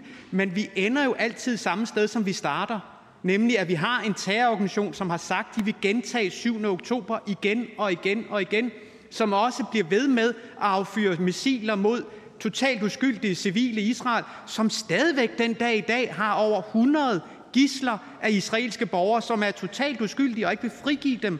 Så enhedslisten mangler at svare på, hvad gør vi med det? Skal vi bare være det ligeglade? Selvfølgelig skal vi ikke være ligeglade med de gisler. Det er der jo heller ikke nogen, der er. I sidste torsdag, en meget sen nat, havde vi jo netop også en diskussion omkring det. Det er jo et sted, hvor der er enighed i det danske folketing, at de israelske og internationale gisler skal frigives omgående og ubetinget. Det er der jo enighed om. Men det, som ordføreren stadig ikke svarer på, det er, hvornår er nok nok? Kan man nøjes med at sige til Israel, at man forventer, at de overholder krigens love, når den ene internationale stemme efter den anden siger, at det er der rigtig god grund til at tro, at det gør Israel ikke. Der er en blokade, da man begynder at tale om, at Israel bruger sult mod civilbefolkningen som våben. Man har fordrevet mere end 8 ud af 10 palæstinenser i Gaza fra deres eget hjem. Det er stort set hele befolkningen, der er fordrevet. Det er, der bliver opereret folk uden, øh, hvad hedder, uden bedøvelse. Det er en fuldstændig vanvittig humanitær katastrofe. Og mit spørgsmål til ordføreren er, hvornår er nok nok? Og mener ordføreren i ramme alvor, at det, der foregår, det foregår i overensstemmelse med krigens love? Og inden jeg giver hr. Michael Åstrup Jensen ordet igen, så vil jeg gøre opmærksom på, at det slukker æd om et øjeblik. Der er en lang række ordfører, der melder sig på, og den fungerende minister har også bedt om ordet. Der er mange spørgsmål her, så vi slukker æd nu. Og derefter giver jeg ordet igen til hr. Michael Åstrup Jensen. Jamen tak for det. Altså svaret er jo, at vi har absolut appelleret til, at man åbner op for humanitære korridorer, så de her øh, nødhjælp kommer ind. Det er heldigvis også i gang nu. Men Enhedslisten svarer jo ikke på, hvordan får vi løst, at vi kan få en tostatsløsning. At vi kan forhandle om en tostatsløsning. Det kræver jo fred og stabilitet. Og mener Enhedslisten i fuld alvor, at man kan få fred og stabilitet, når du er op imod en terrororganisation, som har sagt, at de vil gentage 7. oktober-angrebet igen og igen, som har sagt, at de ønsker en total ubegrænset krig på israelske civile borgere? Altså, det er der jo ikke no Vi ønsker jo alle sammen i det her folketing en tostatsløsning, men det får du jo ikke, hvis man har en situation med en terrororganisation, som ønsker at fortsætte igen og igen og igen. Det er jo der, udfordringen ligger. Hvorfor? Altså det, der nogle gange undrer mig, er, om vi ser det samme, når vi ser på, hvad der er, der foregår i Gaza. Altså ser hr. Michael Ostrup Jensen det samme, som jeg ser, og som befolkningen ser. De mange tusind mennesker, der appellerer til at få en våbenhvile til gavn for civilbefolkningen. Det er jeg faktisk oprigtigt i tvivl om. Det er jeg oprigtigt i tvivl om. Og så undrer det mig, at ordføreren bliver ved med at tale om, at der den ene side har udfordringer, når det er fuldstændig åbenlyst for enhver anden, begge sider har kolossale udfordringer. Hvem på den israelske regerings side er det, man forestiller sig, der forhandler den fred, hvis ikke det internationale samfund går ind og bidrager? Mette Thiesen. Tusind tak. Der var våbenhvile indtil den 7. oktober, hvor Hamas begik det her frygtelige terrorangreb, hvor de voldtog hvor de skar brysterne af kvinder, hvor de kørte dem rundt på vogne og hånede dem, brændte børn og familier levende. Der var våbenhvile, indtil de stoppede den. Det er bare for, at vi lige har fakta øh, på plads. Jeg kunne godt tænke mig at høre ordføreren om, hvad ordføreren tænker om, der er blevet spurgt lidt ind til det, den femte kolonne virksomhed, vi har set i Danmark. Altså, det kommer ikke bag på os i Dansk Folkeparti, men det øh, kommer desværre bag på rigtig mange herinde, at øh, der er så mange, som bakker åbenlyst op om Hamas, en terrorbevægelse, som ønsker død over jøder. Er det kommet bag på ordføreren, at der er så mange herboende, velbakket op af, lad os bare kalde dem venstrefløjens nyttige idioter, som bakker op om det, der sker, det, der skete den 7. oktober, og støtter Hamas? Ordføreren. Før den 7. oktober, der var virkeligheden i Gaza, at Israel igennem flere år havde håndhævet en blokade, totalt kontrolleret, hvad der gik ind og ud af Gaza, hvor der var ekstremt høj arbejdsløshed, ekstremt stort behov for nødhjælp. Israel havde i flere årtier, også før 7. oktober, været besættelsesmagt, gennemført og udvidet ulovlige bosættelser på Vestbreden, dagligt begået menneskerettighedskrænkelser og i virkeligheden håndhævet, hvad internationale organisationer betegner som værende et apartheidsystem. Det var den virkelighed, som fru Mette Thiesen betegner som en våbenhvile. Det var en fuldstændig uholdbar tilstand mellem et undertryk, en undertrykt befolkning, civilbefolkning, og en undertrykker, en besættelsesmagt. Det var virkeligheden. Spørgen. Ordføreren svarer overhovedet ikke på det, jeg spørger om. Er det kommet bag på ordføreren, hvor mange femte kolonne virksomhed der er her i Danmark? Hvor mange, der bakker op om en terrorbevægelse, som er kommet ind her i Danmark, og hvor mange venstrefløjens nyttige idioter, der bakker op om dem og støtter dem? Er det kommet bag på ordføreren? Og så er jeg bare nødt til at sige, hvis Hamas nedlægger våbnene i morgen, så bliver der fred. Hvis Israel gør det samme, så bliver Israel udslettet. Det er det, der er det faktuelle her. Der har ikke været fred. Der har ikke været fred. Der har været en tilstand af besættelse. Det er ikke fred. Det er i hvert fald ikke en retfærdig fred. Konfliktens kerne er, at det palæstinensiske, den palæstinensiske befolkning endnu ikke har fået opfyldt det løfte, verdenssamfundet har givet om en egen selvstændig stat side om side med staten Israel. Og så er det på den anden side, at stort set alle lande i Vesten gennem årtier har lavet dobbeltstandarder hersker over for den israelske stats ageren i selv samme besatte områder. Tak, så er det her Frederik Vad. Øh, jamen, øh, mit, mit hjerte bløder også for de, de, alle de børn, der bliver slået ihjel i, øh, i Gaza. Øh, og jeg har også selv kun foragt til overs for den israelske højrefløj. Jeg føler mig meget politisk knyttet til den israelske venstrefløj og til den stærke fagforenings- og fagbevægelseskultur, der har været i, øh, i Israel. Øh, jeg kunne godt tænke mig at spørge ordføreren om, øh, om noget, fordi øh, jeg kunne godt tænke mig at spørge ordføreren, øh, hvornår ordføreren mener, at modsvaret fra Israel siden den 7. oktober, hvornår det blev uproportionalt. Var det den 8. oktober? Var det den 9. oktober? Var det den 25. oktober? Var det den 15. november? Ordføreren spurgte Michael Åbstrup Jensen, hvornår er nok nok? Jeg kan godt tænke mig at spørge ordføreren, hvornår siden den 7. oktober blev det her modsvar uproportionalt? Ordfører man ikke sætte en dato på, men man må i hvert fald konstatere, at der indtil nu er død op mod 20.000 mennesker, hvor langt størstedelen er børn, kvinder. Man må også konstatere, at stort set hele befolkningen i Gaza er fordrevet, at det er umuligt at finde tryghed og sikkerhed, at gislerne stadigvæk ikke er blevet frigivet alle sammen, og at Israel stadig ikke mener, at de har nedkæmpet det Hamas, som de mener, de kan nedkæmpe militært. Jeg er den overbevisning, at det her ikke kan løses militært. Og det er derfor, at vi appellerer til at bakke op om det her borgerforslag, der handler om at få skabt en varig våbenhvile og få i gang sat det lange, seje og nærmest umulige lige nu at se, det medgiver jeg, politiske spor, som er nødvendigt for at sikre en retfærdig fred for begge befolkninger. Spørgen. Men, men alle de der humanitære fakta er jeg, er jeg jo totalt enig i. Der er ikke noget af det, der er forkert, men ordføreren svarer ikke på spørgsmålet. Og det er her, hvor vi er inde ved kernen, og hvor jeg bliver, selv bliver en lille smule vred. De første klager over statsministerens såkaldte ensidige tilgang til det her, de kom, mens der stadig blev myrdet mennesker i kibbutzer. De kom ikke 5, 10 eller 15 dage efter terrorangrebet den 7. oktober. De kom på dagen. Enhedslistens forperson, hr. Pelle Dragsted, var ude og tale for balance dagen efter den 7. oktober, da myrderierne stadig var i gang. Pointen her er, I har kaldt det uproportionalt fra det sekund, der blev myrdet løs i kibbutzer. Det er udfordringen, fru Trine Pertou Den virkelige politiske udfordring her i Folketinget og fra regeringens side, det er, at man ikke formår at balancere. Statsministeren har endnu ikke taget ordet besættelse i sin mund. Vi taler om et brutalt terrorangreb, som alle her i Folketinget har fordømt fuldstændig entydigt igen og igen, og jeg gør det gerne igen i det her sekund, fordi det kan kun fordømmes. Men det, der foregår lige nu fra Israels side, det kræver en anden politisk linje fra den danske regering, hvis det skal ændre noget for den civilbefolkning, som lige nu lider under det. Tak, så er det hr. Lars Boje Mathiesen. Tak. Jeg synes faktisk, det er befriende, at venstrefløjen bekender kulør.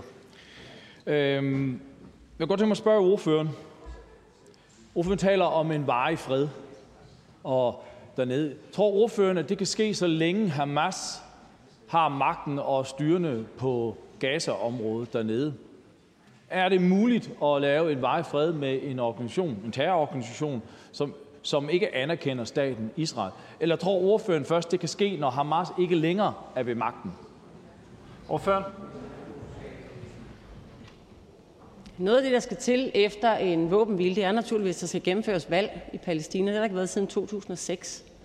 Det vil være det første at bede palæstinenserne om at vælge deres egen politiske ledelse. Lige nu er der jo faktisk et selvstyre, som er den formelle modpart i forhandlinger om, hvad der skal ske politisk og statsligt.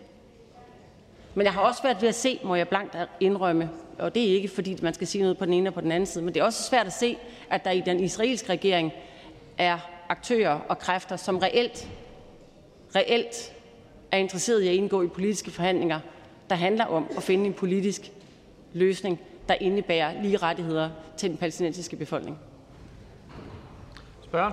Så ikke engang der, ikke engang der kan ordføreren erkende, at Gaza er ledet af en terrorbevægelse, Hamas, og at så længe Hamas eksisterer på jordens overflade, jamen så kan der ikke findes en våbenhvisløsning, for der er ingen i Hamas' organisation, som ønsker at anerkende Israel, og derfor er en tostatsløsning jo et fatamorgana, så længe Hamas har. Og der er ikke noget, der tyder på, at flertallet i, det, i af den civilbefolkning i Gaza vil stemme nogle andre til magten. Fordi det er stadigvæk Hamas og islamisk jihad, som vil have et flertal, også hvis der vil skulle være en folkeafstemning. Det viser alle meningsmålingerne. Og derfor er der ikke nogen fredsløsning derpå. Den udvikling vil jeg gerne øh, stille spørgsmålstegn ved, men man kan jo spørge den palæstinensiske befolkning, hvad den ønsker. Og det vil jo kræve, at man kunne gennemføre nogle ordentlige valg. Øhm, det, der er forskellen på ordføreren og mig i opfattelsen af, hvad der er, der sker og hvad der skal ske, det er, at jeg tror ikke på, at man kan udrydde Hamas militært på en måde, som er en krigsførelse, vi kan stå indenfor, som det, det ene, og som det andet. Fordi det, der sker lige nu, producerer nye rekrutter til nye ekstreme terrorbevægelser. Fordi det er dynamikken i den konflikt, som den ser ud lige nu. Så er det her Morten Messerschmidt. Øhm, jeg går ud fra, at enhedslistens ordfører er bekendt med, at der er cirka en million palæstinensere, som er statsborgere og har stemmeret i Israel, som er ligeværdige øh, borgere med jøderne i Israel. Jeg kunne godt tænke mig at høre, hvis vi skulle spejlvende det og forestille os, at den her såkaldte palæstinensiske stat skulle opstå, og angiveligt så Hamas skulle være regering for den stat. Det er i hvert fald det, vi ved, palæstinenserne ønsker. Hvor mange jøder øh, tror øh, fru Partout Max så, at der vil bo i den palæstinensiske stat? Ordføreren? Altså, det udgangspunkt, som vi har i Enhedslisten, det er, at den palæstinensiske befolkning skal kunne træffe en afgørelse om, hvem det er, der regerer dem politisk. Jeg tror, det er et ret stort spørgsmålstegn, man må sætte efter den påstand, ordføreren bringer til tos her, at det absolut skulle give et øh, valgresultat til gavn for Hamas, hvis man gennemførte et sådan valg i alle de palæstinensiske områder, som de, øh, hvis man kunne gøre det nu. Det andet spørgsmål, det kan jeg jo ikke svare ordføreren på. Øhm, det ønske, som vi har, det er en politisk proces, der peger i retning af lige rettigheder til alle, der lever i det område. Om de ønsker at organisere sig i en eller to stater, det er jo op til befolkningerne. Den officielle danske udenrigspolitik med at bakke op om en tostatsløsning, det er jo det, som vi alle sammen står på, når vi har den her diskussion. Spørgen? Går jeg ud fra, at fru Mak har et vist indgående kendskab til Hamas' politik, når hun vælger at solidarisere sig så voldsomt med dem. Så derfor er det jo ikke for meget at spørge til, hvor mange jøder vil der være i Mellemøsten, hvis Hamas fik sit ønske? Vil der være 1000 tilbage? 500? 0? Hvad er målet for Hamas, når det kommer til spørgsmålet om jøder i Mellemøsten? Det må fru Magda med sit indgående kendskab til situationen og konflikten have et svar på. Ordføren? Jeg kan simpelthen ikke indgå i en dialog med en ordfører, der beskylder mig for at være øh, ideologisk øh, i overensstemmelse med det, som Hamas står for. Hamas er en terrororganisation, en højere ekstrem organisering. Det har absolut intet ideologisk til fælles med venstrefløjen. Så er det fru Pia Kærsgaard. Tak for det. Højere ekstrem. Ja, så. Øh, jeg vil bare følge op på øh, fru Mette, Mette Thiesens spørgsmål fra før, som ministeren i to omgange, eller, eller ordføreren i to omgange undlod at svare på. Skræmmer det ikke i forhold til det forfærdelige, der er sket terrorangrebet den 7. oktober, og se i Københavns gader, at Hamas jublende render rundt, ligegyldigt hvor man befinder sig, stort set hver ugedag, kan samle rigtig mange mennesker og råbe jihad. Og hvor jeg må hvis jeg var fru Tine Mak, så ville jeg stå og føle mig lidt som venstrefløjens nyttige idiot på talerstolen. Altså skræmmer det ikke, at den konflikt er så ført så meget herop, og at herboende jøder i den grad på baggrund af det, der er sket i Mellemøsten, føler sig ekstremt chikaneret? Ordføren? Jeg synes, det er et stort problem, at øh, jødiske borgere her i landet ikke føler sig trygge og sikre. Ligesom alle andre borgere skal kunne føle sig det uanset hvad ens baggrund er, eller ens orientering af nogen som helst karakter den er. Det er jeg helt enig i. Jeg har ikke set Hamas rende rundt i gaderne, og hvis øh, fru Pia Kjærsgaard hensyder til en lang række af de øh, forskellige demonstrationer, der er, så må jeg konstatere, at jeg kigger ud i landet og ser nogen, jo, som skræmmer mig, blandt andet fordi de går kønsopdelt og råber på jihad. Det bekymrer også mig. Men det bekymrer mig ikke, at danskere går på gaden og kæmper for alle civiles ret til liv, for børns ret til liv, og afkræver regeringen at bakke op om en veje, eller opfordrer regeringen til at bakke op om en veje våbenhvile til gavn for civilbefolkningen. Det anser jeg for at være utrolig vigtigt, og det er også derfor, at den her debat er så vigtig, for at vise befolkningen, at hele Folketinget ikke lukker ørerne for det, der foregår. Spørgen. Vi kan faktisk ikke øh, komme til at lukke ørerne for det, der foregår. Det er ganske umuligt. Vi er engageret i det alle sammen meget, fordi det er ganske forfærdeligt, og vi er engageret i det. Og jeg må bare sige, de venstreorienterede, blandt andet fru Trine Mark, der bakker op om det, der foregår i gaderne. Altså fru Trine Mark siger, at det ikke er Hamas. Jamen, de råber jihad, hellig krig. I øjeblikket er vi ved at optravle en terrororganisation i Danmark, og der bliver heller ikke svaret på, hvordan fru Trine Mark har det med, at herboende jøder, som sandelig ikke har noget at gøre med den konflikt lige nu i Mellemøsten, føler sig ekstremt chikaneret, skal have ekstra beskyttelse. Det sidste var nu det allerførste, jeg svarede fru Pia Kjærsgaard på. At det synes jeg er dybt bekymrende, og det er fuldstændig urimeligt og uhørt, at nogen mindretal i vores land skal føle sig utrygge. Sådan vil vi ikke være. Det er jeg enig med ordføreren i. Så er det hr. Kim Edberg Andersen. Jamen, jamen tak for det. Og hvor er dejligt her på den sidste dag, vi også lige kan få blodet op, som vi gjorde midt om natten her for ikke ret mange dage siden, hvor det var nøjagtigt den samme snak, vi havde, og hvor enhedslisten også dengang øh, helt ublu stillede sig frem og sagde, at det er, det er de palæstinenser, eller de palæstinenserne, de er ofre, Det kan godt være, at de lige har slagtet 200 uskyldige, de gemmer sig på hospitaler osv., men uha, hvor er det slemt, at dem, som har fået slagtet deres medborgere, de rent faktisk har en reaktion. Men det er jo dejligt, når, når enhedslisten helt ublu stiller sig op, og så lige når de sådan en gang imellem godt kan mærke, at nu, nu bliver det nok, nok for meget for, for almindelige danskere at høre på, så siger de, men vi mener for øvrigt også, for problemet med det her lovforslag, eller beslutningsforslag, det var jo, at man fordømmer kun den ene part, og så over på side 19, så siger man, at det er for øvrigt heller ikke rigtig godt, det som, som øh, Hamas har gjort. Vil, vil ordføreren ikke bare lige bekræfte, at Hamas er folkevalgt som øh, for selvstyret dernede, og, og det er Hamas, der er et problem, så hvis at enhedslisten vil have nye valg, så er det jo Hamas, de skal, de skal kalde ud, og ikke israelerne. Ordføreren. Jeg er egentlig glad for, at vi tager debatten igen, for det lyder som om ordføreren ikke helt øh, kan huske alt det, vi har diskuteret, øh, også den øh, sene nattetime, øh, hvor vi diskuterede det her borgerforslag. Øh, de ændringsforslag, som jo virkelig var grund til at gik på talerstolen for at spørge, om ikke der var nogen flere, der kunne bakke op om, de handler jo netop om at prøve at gøre borgerforslaget så rundt i hjørnerne, der hvor der var størst kritik og skepsis over for den måde, som borgerforslaget var blevet formuleret på. Men jeg går ud fra, at ordføreren med det, ordføreren siger nu her, i virkeligheden bakker op om det første ændringsforslag, nemlig det, der fordømmer Hamas' terrorangreb den 7. oktober. Spørg. Nej, jeg husker udmærket. Der, der er nok få folketingsmedlemmer, der vil påstå, at jeg, at jeg ikke har en forholdsvis god hukommelse. Det, jeg husker udmærket, det var, at det her det var, blevet, øh, det var lige blevet lagt ind i, i, øh, i værkstedet ved de partier, som alle sammen synes, at øh, israelerne det er, nogle, det er nogle forfærdelige mennesker, og hvis man bare kan smide bomber fra hospitaler, så er det super fint. Det er de partier, som havde det her i værkstedet, og så som lige forsøgte at fik det lempet igennem. Virkeligheden er, og det ved ordføreren også godt, at der er uskyldige mennesker, der blev slagtet, der har været en våbenhvile, og hvor man sjovt nok ikke lige frigiver de gisler, man havde. Synes øh, ordføreren ikke, at bolden har lagt ved Hamas i et stykke tid, og hvis de nu havde overholdt de regler og frigivet de gisler, de har taget, så må måske komme lidt videre i det her?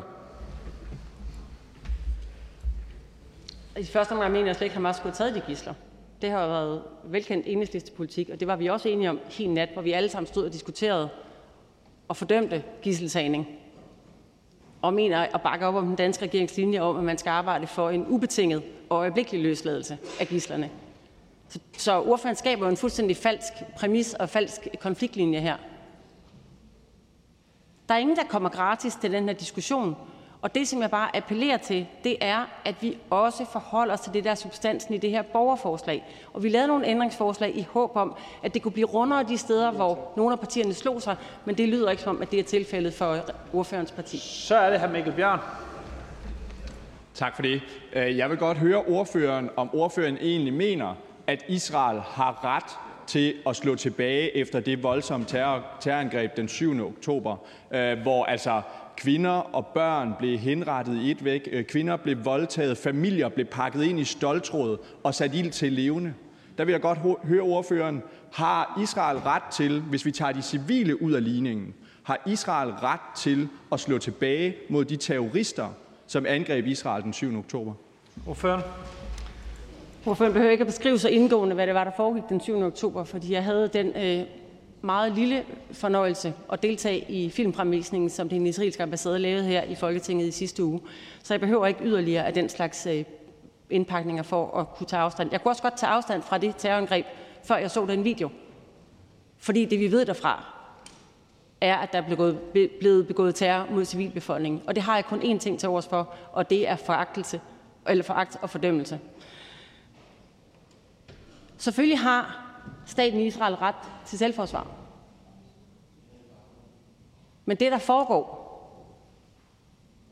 det er ikke i overensstemmelse med de spilleregler, der også skal være for staten Israel, som for alle andre lande. Og det undrer mig så, og det er virkelig det, der er kernen i den her diskussion, hvordan man fra dansk side så entydigt kan stå på folkeretten, den humanitære folkeret, krigens love side, når man kigger ud i hele verden, lige undtagelse, når det kommer til den måde, som Israel fører sin krig på lige nu. Spørgen. Jamen, hvis ordføreren anerkender, at Israel har ret til efter den 7. oktober at slå tilbage mod terroristerne, så kunne jeg godt tænke mig at høre ordføreren ind til, hvordan bare sådan overordnet opridset forestiller ordføreren sig, at Israel skulle have gjort det? Altså, hvordan, hvilken øh, tilbageslåning kunne enhedslisten have accepteret? Altså, skulle man have gået ind i Gaza øh, med soldater og målrettet henrettet terrorister med væbnede styrker på, på landjorden, eller hvordan, hvordan skulle det helt præcis have kunne lade sig gøre? Ordføren? Jeg er jo ikke militær ekspert, så det kan jeg jo ikke svare ordføreren på. Det er vel heller ikke det, der er meningen med os som politikere. Det, der er meningen med os som politikere, det er, at vi vurderer de handlinger, der finder sted, og afgør, om vi mener, det er overensstemmelse med krigens lov eller ej. Og det mener jeg ikke, den måde Israel fører sin modangreb på er. Det er det blandt andet ikke, fordi man har lavet en blokade af en hel civilbefolkning, som svarer til, at man kollektivt straffer en hel civilbefolkning for, hvad nogle gerningsmænd gjorde den 7. oktober. Det er det heller ikke, fordi man fuldstændig uproportionalt rammer civile og børn. Og det er det heller ikke, fordi man har fordrevet stort set hele den, civil, den civilbefolkning, der finder sig i Gaza, og bombet altså i tusindvis af bygninger og infrastruktur sønder og sammen. Så er det her Thomas Skriver Jensen. Ja, tak for det. Øhm, ordføreren står jo og gør sig til talerør for hele befolkningen øhm, fra talerstolen af, og, og jeg forstår sådan set også godt, hvis både ordføreren øh, og befolkningen gør det sådan set også selv, bakker op om det budskab, der hedder, alle børn de har ret til liv, og det er jo det, der bliver sagt i, i mange øh, danske gader. Det er egentlig heller ikke det, der bekymrer mig. Nu er jeg selv fra Odense, og der har været en del demonstrationer også, og en af de demonstrationer, der skete der noget, som jeg synes er rigtig, rigtig farligt, nemlig at man på dansk øh, farer ud til de her demonstrationer med lige præcis det budskab, alle børn har ret til liv, fuldstændig enige i, men man så skifter over til arabisk, og på arabisk hylder terrorledere, øh, sender hyldester afsted mod væbnede styrker og siger, der skal regne bomber ned over Tel Aviv, og jeg synes, det er skræmmende. Derfor vil jeg sådan set bare, øh, altså, og, og jeg tror, at det, man ikke får indsigt i det, der bliver råbt på arabisk, det betyder noget for befolkningens øh, holdning. Derfor vil jeg bare spørge ordførens holdning til den måde at demonstrere på. Øh, synes ordføren, det er ikke det er vildledende for, for hele debatten, at man demonstrerer de positive ting, de ting, alle kan bakke over om på dansk, og så skifter til arabisk, når man hylder terrorledere? Det synes jeg nemlig. Ordføren? Jeg kan ikke forholde mig til en konkret demonstration af, hvad der skulle være blevet sagt, men det er indlysende, håber jeg, efter den her lange debat, at jeg tager afstand fra, at man hylder terrorledere. Det burde give sig selv. Og det tror jeg også godt, ordføreren ved. Jeg synes, det er utrolig vigtigt, det som det her borgerforslag handler om. Nemlig at opfordre regeringen til at arbejde for en varig våbenhvile, fordi alle civile, ikke mindst børnene, har ret til liv. Det er et af hovedomdrejningspunkterne i det her borgerforslag. En af anstedstenene for ordførerens parti ikke mindst, det var, at der ikke også lå i det borgerforslag en eksplicit afstandtagen til Hamas, selvom der eksplicit stod, det her forhold sig ikke til Hamas' krigsforbrydelser. For her er Folketinget jo enige og har entydigt taget afstand. Så det forholder sig til de ting, hvor de mangler meldinger fra regeringspartierne. Og jeg synes, det er vildt forstemmende, at det, vi diskuterer, det er alt muligt andet, blandt andet hvad der foregår i danske gader, i stedet for at diskutere den manglende stillingtagen fra den danske regering til en varig våbenhvile til gavn for civilbefolkningen i Gaza. Spørgen.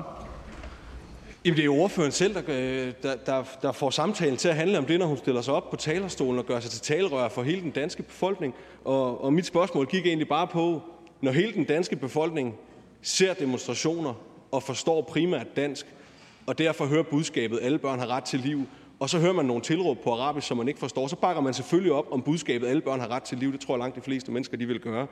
Men synes ordføreren ikke, det er vildledende for debatten generelt, når de samme mennesker, der står og råber, alle børn har ret til liv, de står og hylder terrorledere? Synes ordføreren ikke, det er en forfærdelig måde at demonstrere på? Er ordføreren klar til at fordømme den måde at demonstrere på? Ordføren? Jeg har lige så sagt, at jeg ikke har noget til overs for, og kun kan tage afstand fra, at man hylder terrorledere. Jeg har lige svaret ordføreren på det. Jeg har lige stået og svaret ordføreren på det. Det skal jeg gerne gøre igen, hvis det er svært at forstå. Men jeg synes stadigvæk, at ordføreren og ordførens parti skal forholde sig til den del af den danske befolkning, som appellerer til, at man også fra dansk side kan bakke op om en varig våbenhvile til gavn for civilbefolkningen i Gaza. For det er det, det her det handler om. Ja, så er det her Jeppe Sø. Tak for det. Nu er det jo ikke sådan, at man altid skal komme med et spørgsmål. Man må faktisk også godt komme med en kommentar. Øh, derfor vil jeg tale til dem, der har, er kommet med det her øh, borgerforslag, og blot sige, at når man ser debatten her, så kan man nogle gange få den fornemmelse hjemme foran skærmen måske, at vi slet ikke tager tingene alvorligt i det her ting, eller at der er nogen, der ikke ønsker ordet, eller ikke ønsker at forsvare et eller andet. Jeg vil blot minde om, at man på Folketingets tv rent faktisk kan finde en to og en halv time lang debat om det her, som vi havde fra klokken halv 12 om natten til klokken 2 om natten. Jeg erkender, at det var et tidspunkt, der gør, at det primært er genudsendelsen, man ønsker at se. Men blot for at sige, at vi kan faktisk godt i det her ting tale nuanceret. Øh, det handler ikke om, hvem der fordømmer mest og finde niveauet for det. Øh, jeg synes faktisk ikke, at jeg har mere at sige end det, jeg sagde den nat. Det kan man genfinde, og jeg synes, vi havde en fin og savlig og, og, og god debat på det tidspunkt. Øh, og det er derfor, jeg i virkeligheden ikke tager ordet om andet i dag. Det var mere en kommentar, end det var et spørgsmål. Ordfører. Tak, det synes jeg faktisk var en meget klog kommentar her i besøg. Det vil jeg gerne kvittere for.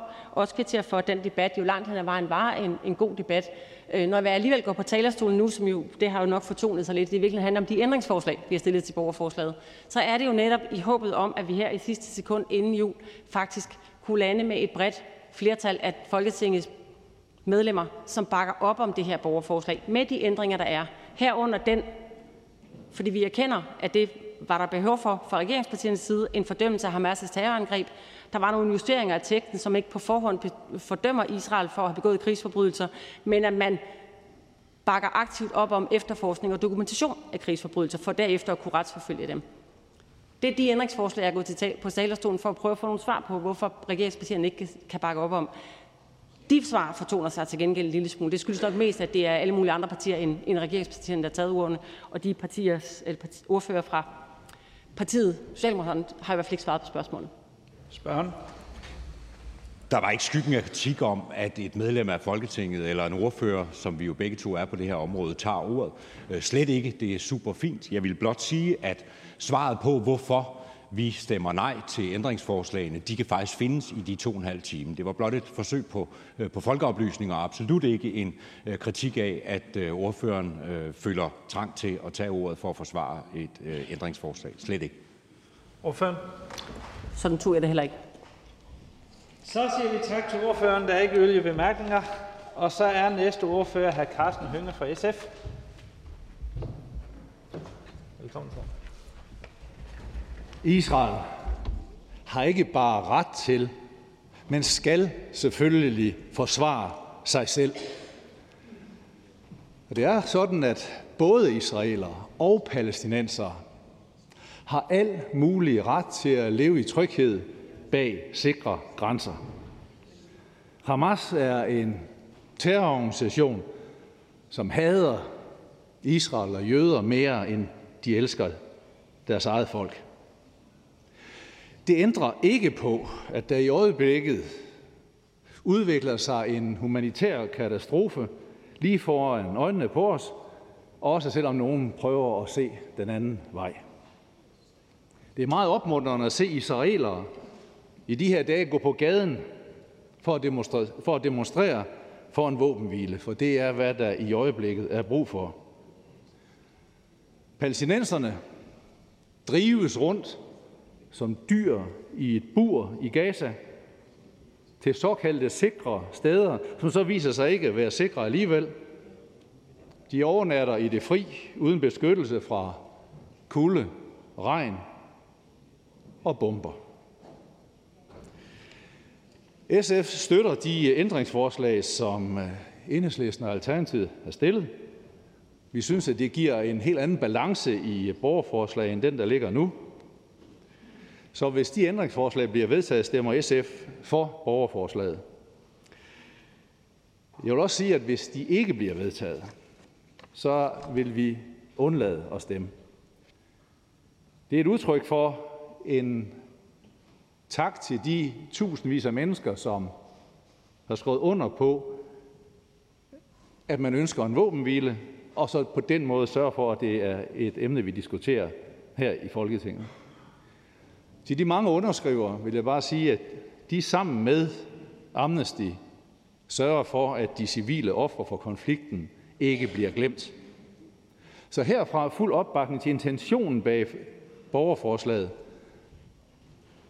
men jeg er ret uforstående over for, hvordan Enhedslisten og Alternativet kan ende med at stemme for borgerforslaget. For det er vel ikke Folketingets opgave at afgøre, hvor og hvornår der foregår krigsforbrydelser. Det har vi jo ICC, altså den internationale krigsforbryderdomstol, og for eksempel Amnesty til at afgøre. Det er derfor, at SF ender med konklusionen for ændringsforslagene og undlader at stemme til selve forslaget. Tak. Der er en række korte bemærkninger. Først til hr. Alex Arnsen. Værsgo. Tak. Dansk Folkeparti har altid støttet øh, staten Israel, og vi har stået på vores jødiske medborgers side. Det er danskere. De oplever nu at være jaget vildt, øh, bliver jagtet og øh, truet af mennesker, der er kommet her til. Og det har været chokerende for os at opleve den genopblussen af jødehadet, som udleves i de københavnske gader og i andre storbyer i Danmark. Noget af jødehadet kommer fra dele af venstrefløjen, og det har været øh, en særlig besynderlig oplevelse at øh, forsøge at få et svar på, hvorfor det sker, da jeg spurgte øh, fru Pertumak fra Enhedslisten. Så nu vil jeg forsøge med hr. Carsten Hønge.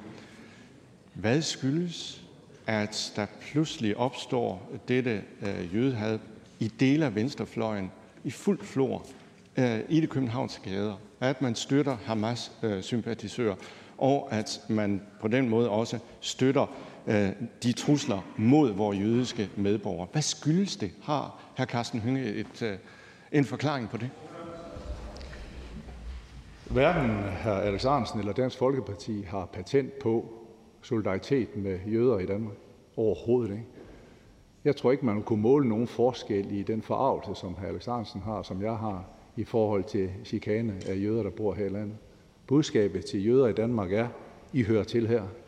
Budskabet er til herboende palæstinenser: I hører til her. Jeg synes, det er skræmmende at se, hvor meget had og konflikt der ligger i Danmark på grund af en konflikt, der ligger langt væk. For SF har det været gennem alle årene, at vi har haft et samarbejde både med israelske partier. Øh, lige før Hamas angreb Israel, der havde jeg i den samme uge aftalt møder på mit kontor både med øh, den israelske organisation Breaking the Silence, som består af tidligere militærfolk, og Beslam, en israelsk øh, humanitær organisation. Vi har dialog med begge parter. Spørgen? Jo, det var nu ikke et angreb på hr. Carsten Hønge eller SF. Jeg stillede et meget simpelt spørgsmål, som jeg også stillede fru Patomak.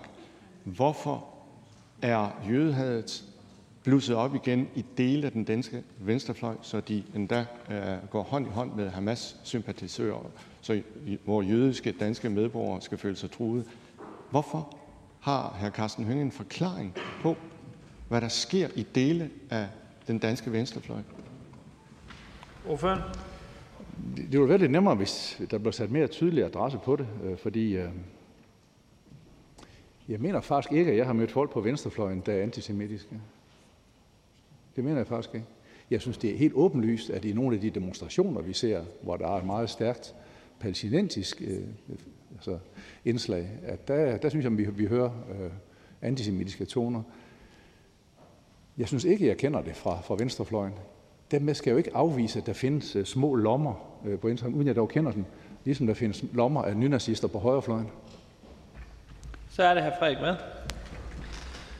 Jeg vil bare gerne rose hr. Carsten Hønge og SF. Øh, jeg er ikke e-, enig i alt øh, det, SF øh, også mener i forhold til, til den her sag, men hos SF kan man regne med et venstrefløjsparti, der er fuldstændig klar i mailet og ikke taler tvetunget om det her.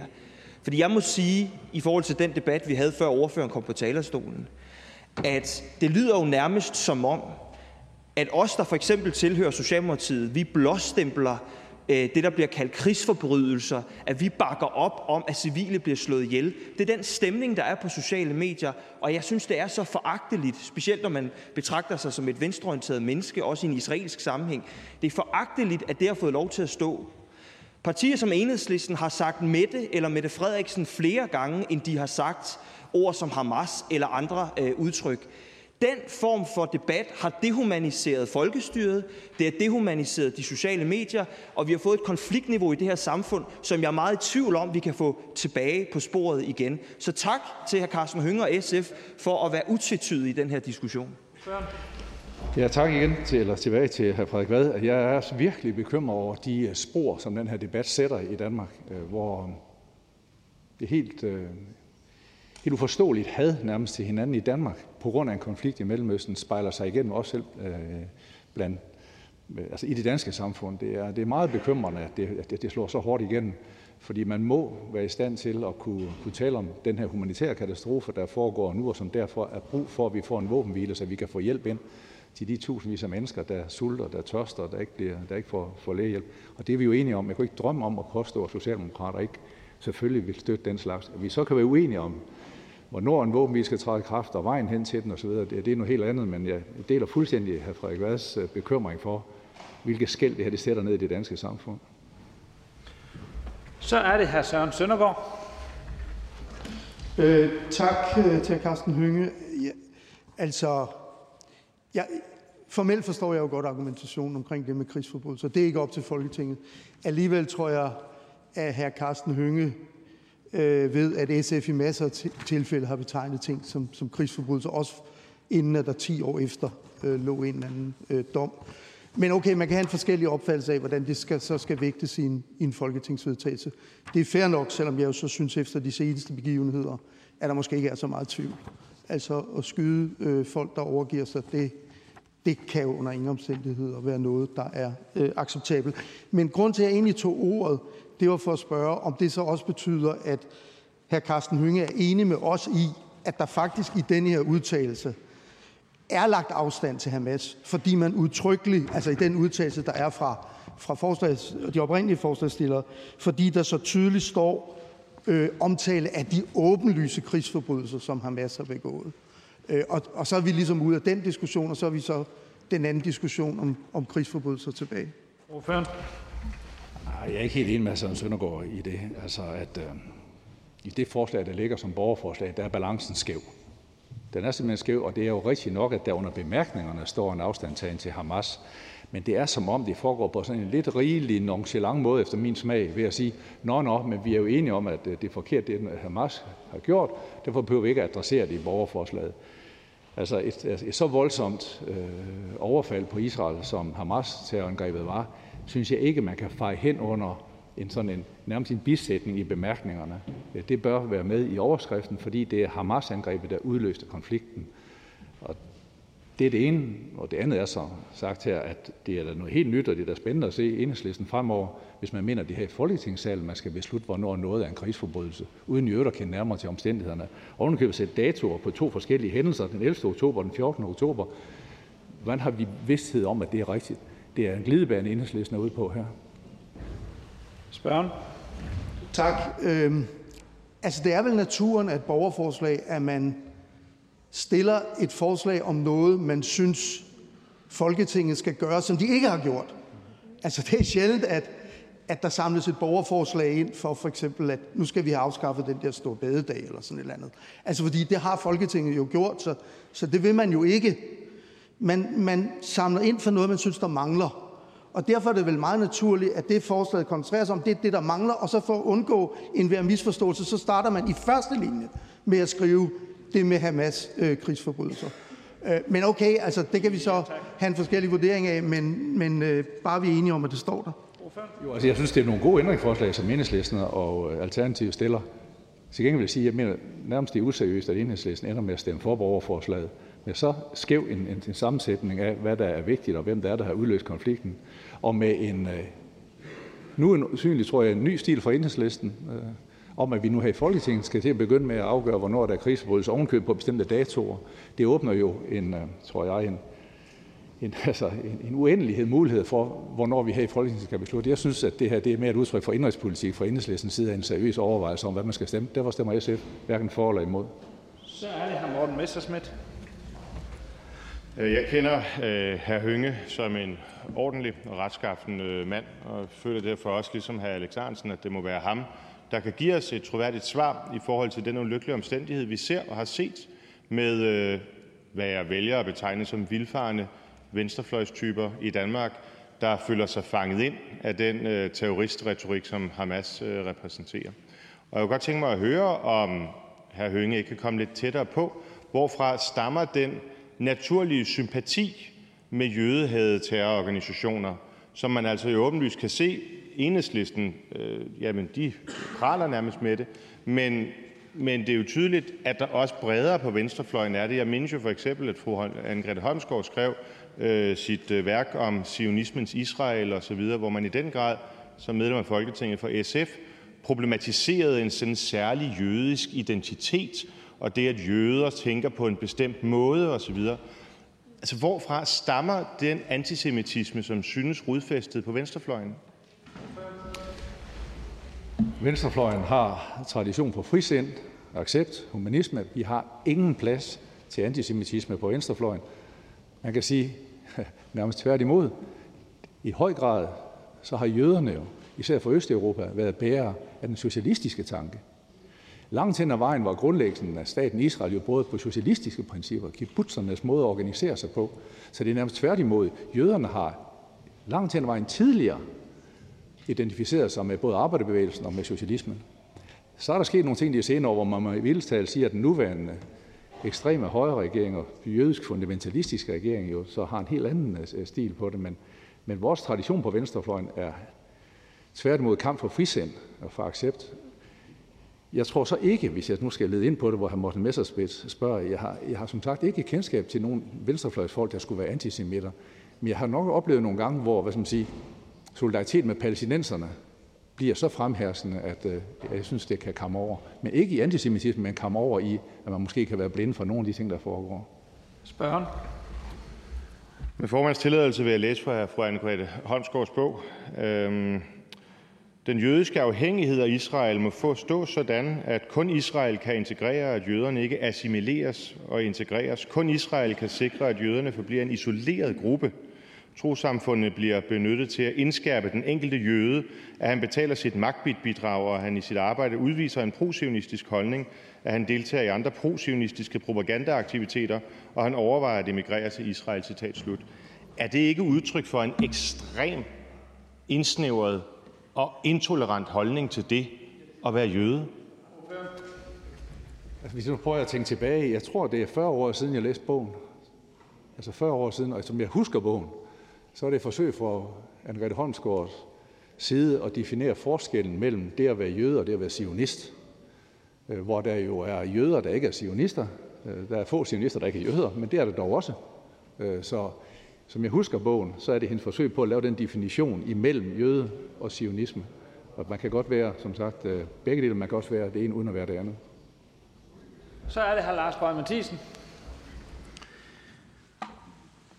Når jeg hører debatten i dag og også de seneste par uger, så er det jo faktum, at jøder i dag ikke kan leve frit i Danmark. De kan ikke afholde arrangementer, uden der skal være bevæbnede vagter. Og det er godt, de er der lige nu. Men jeg har ikke hørt et eneste svar, hverken fra SF eller regeringen eller nogle andre partier. Hvad vil man reelt set gøre ved det? Er man villig til at gøre det, som man tror, der er nødvendigt? Og hvad er det nødvendige? Det, jeg hører, det er en beklagelse. Det er en afstandstagen fra det. Og så er det stik hovedet i busken igen. Så mit spørgsmål til ordføreren, hvad vil SF gøre for, at vi ikke om fem år skal have jøder, som også har brug for væbnede vagter, fordi deres børn skal spille en fodboldkamp her i København? Ordføreren? Igen, jeg tror ikke, man kan måle nogen forskel i øh, afstandtagen for enhver antisemitisk ytring for hverken Lars Bøge Mathisen eller, eller for mig. Øh, jeg tror på, at den måde, man kan forebygge det på, det er ved, at vi har et samfund, hvor vi er rummelige, hvor vi har en øh, tone i debatten om etniske minoriteter, religiøse minoriteter, som, som bygger på accept og forståelse og jeg tror, at enhver pusen til racisme, forskelsbehandling, udskamning af bestemte befolkningsgrupper på sin egen negative måde også vil underbygge, at det kan være okay at håne og udskamme jøder. Så jeg tror, der er en linje mellem behovet for hele tiden at udpege herboende muslimer eksempelvis, eller, eller andre, kan være med til at være ved til det bål, der gør det okay, at vi er i et samfund, hvor man skiller sig ud fra hinanden og uddyber skældene. Så mit svar på det, det er, at vi får et samfund med større forståelse, end man øh, i hvert fald nogle steder for højrefløjen synes, der skal være. Wow. Vi er simpelthen tilbage i 1992. Så det er tonen i udlændingdebatten, der gør, at muslimer føler sig tvunget til at gøre, at jøder ikke kan leve i fred i Danmark. Det er jo, det er jo vanvittigt at høre. Og igen, indtil konkret andet, jamen siger, hvis vi, bare skal ændre tonen. Jeg tror ikke på, at hvis man ændrer tonen, altså lige pludselig så lever jøderne i fred om fem år, eller om to år, om et år. Men jeg hører intet fra den her folketing af, som siger, hvad gør vi for, at jøderne om et halvt år kan leve i sikkerhed og tryghed? Hvad gør vi for, at de kan leve i tryghed om et år? Ja, Ordføren. Lad mig sige det en gang til. Jøder har SF's fulde solidaritet. Budskabet til jøderne i Danmark er, I hører til her hos os. Der er ikke nogen forskel på, tror jeg, hvor meget vi, øh, vi føler for vores jødiske medborgere. Det er fuldstændig indlysende. Vi er medlemmer af SF, der er jøder. SF arbejder sammen med jødiske organisationer. Den, jød, den israelske ambassadør har siddet på mit kontor. Selvfølgelig har vi dialog både med, med israelske øh, organisationer, autorit, øh, autoriteter og med, øh, med, også med jøder i Danmark. Selvfølgelig har vi det. I hører her til her, ligesom palæstinenserne hører til i Danmark. Så er det Hakim Edberg Andersen.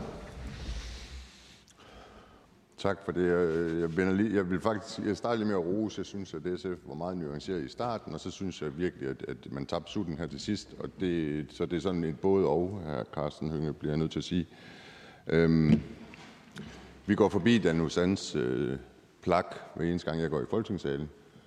Et menneske, som blev skudt for mange år siden på grund af antisemitisme, jødehad. Vi har stadigvæk en stor befolkningsgruppe i Danmark, som skal have bevæbnede vagter. Det accepterer vi stiltiende herinde. Det er jo bare sådan, som det er. Største problemstilling, vi kan finde ud af, det er, om det skal være politi eller forsvar, eller hvem der skal stå med våben for at beskytte dem i Danmark. Hr. Carsten Hønge havde en udveksling med en socialdemokrat om det her, det her skæld, det her, det her skæld, den, den der voldsomme had, vi så i gaderne, og, og de spor, det kan sætte i samfundet.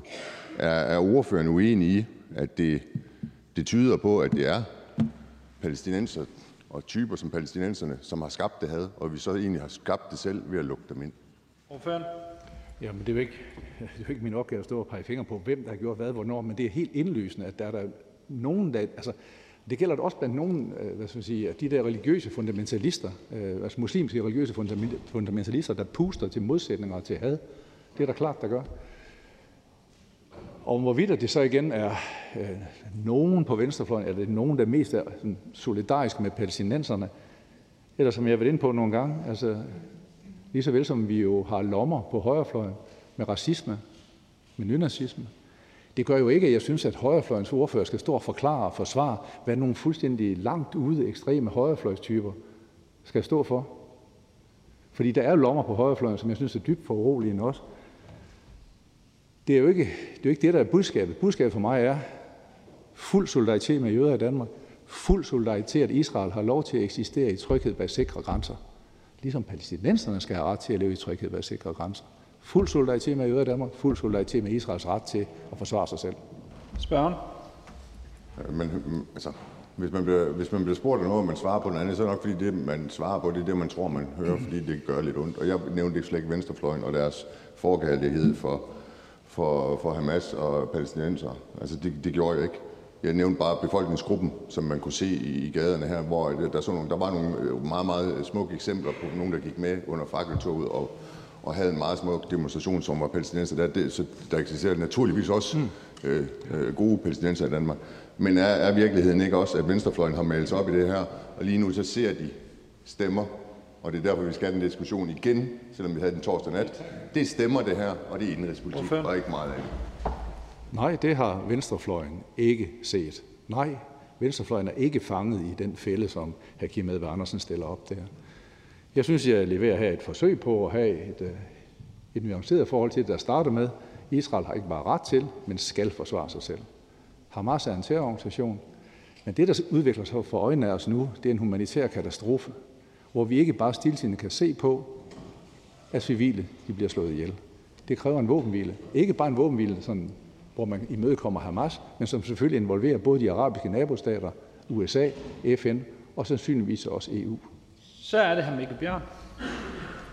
Tak for det. Jeg må indrømme, jeg bliver også lidt fortørnet over øh, ordførerens øh, bemærkning om, at, at den konkrete løsning på det store og voksende jødehad herhjemme, det er en bedre tone i debatten. Altså, det er jo ikke en særlig brugbar, konkret løsning på det her, når sandheden er, at vi ved, hvorfra jødehadet vokser, og det er fra det arabiske miljø herhjemme.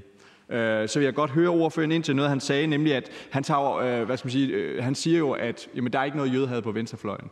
Øh, tværtimod, så kan vi se i nogle af de demonstrationer med palæstinensisk islet, at det er der jødehadet er. Og så vil jeg godt spørge ordføreren ind til, om han anerkender, at det i høj grad er fra det palæstinensiske miljø herhjemme og det arabiske miljø i det hele taget, at jødehadet vokser. Jeg vil sige, at der, hvor det kommer fra, det er fra ekstreme islamistiske, fundamentalistiske miljøer. Ja, det er da helt klart, at der er der stemmer i de miljøer, der ligger mig lige så fjernt, som, øh, som nynazisme ligger mig. Spørgen? Tak for det. Øh, anerkender ordføreren dermed også, at vi egentlig selv har skabt problemet med jødehad herhjemme? Det er, det er ikke min påstand, at, øh, at det er alle med arabisk baggrund langt fra, der bakker op om det her. Men anerkender ordføreren ikke, at jødehadet er skabt af en uansvarlig indvandringspolitik her til lands? Ordføreren? Altså, så vil det være svært at forklare, hvordan vi kan have danske nynazister, der er etnisk danskere, og som øh, jo også fra tid til anden øh, finder grund til at, og, og, hvad hedder det, at markere sig. Øhm.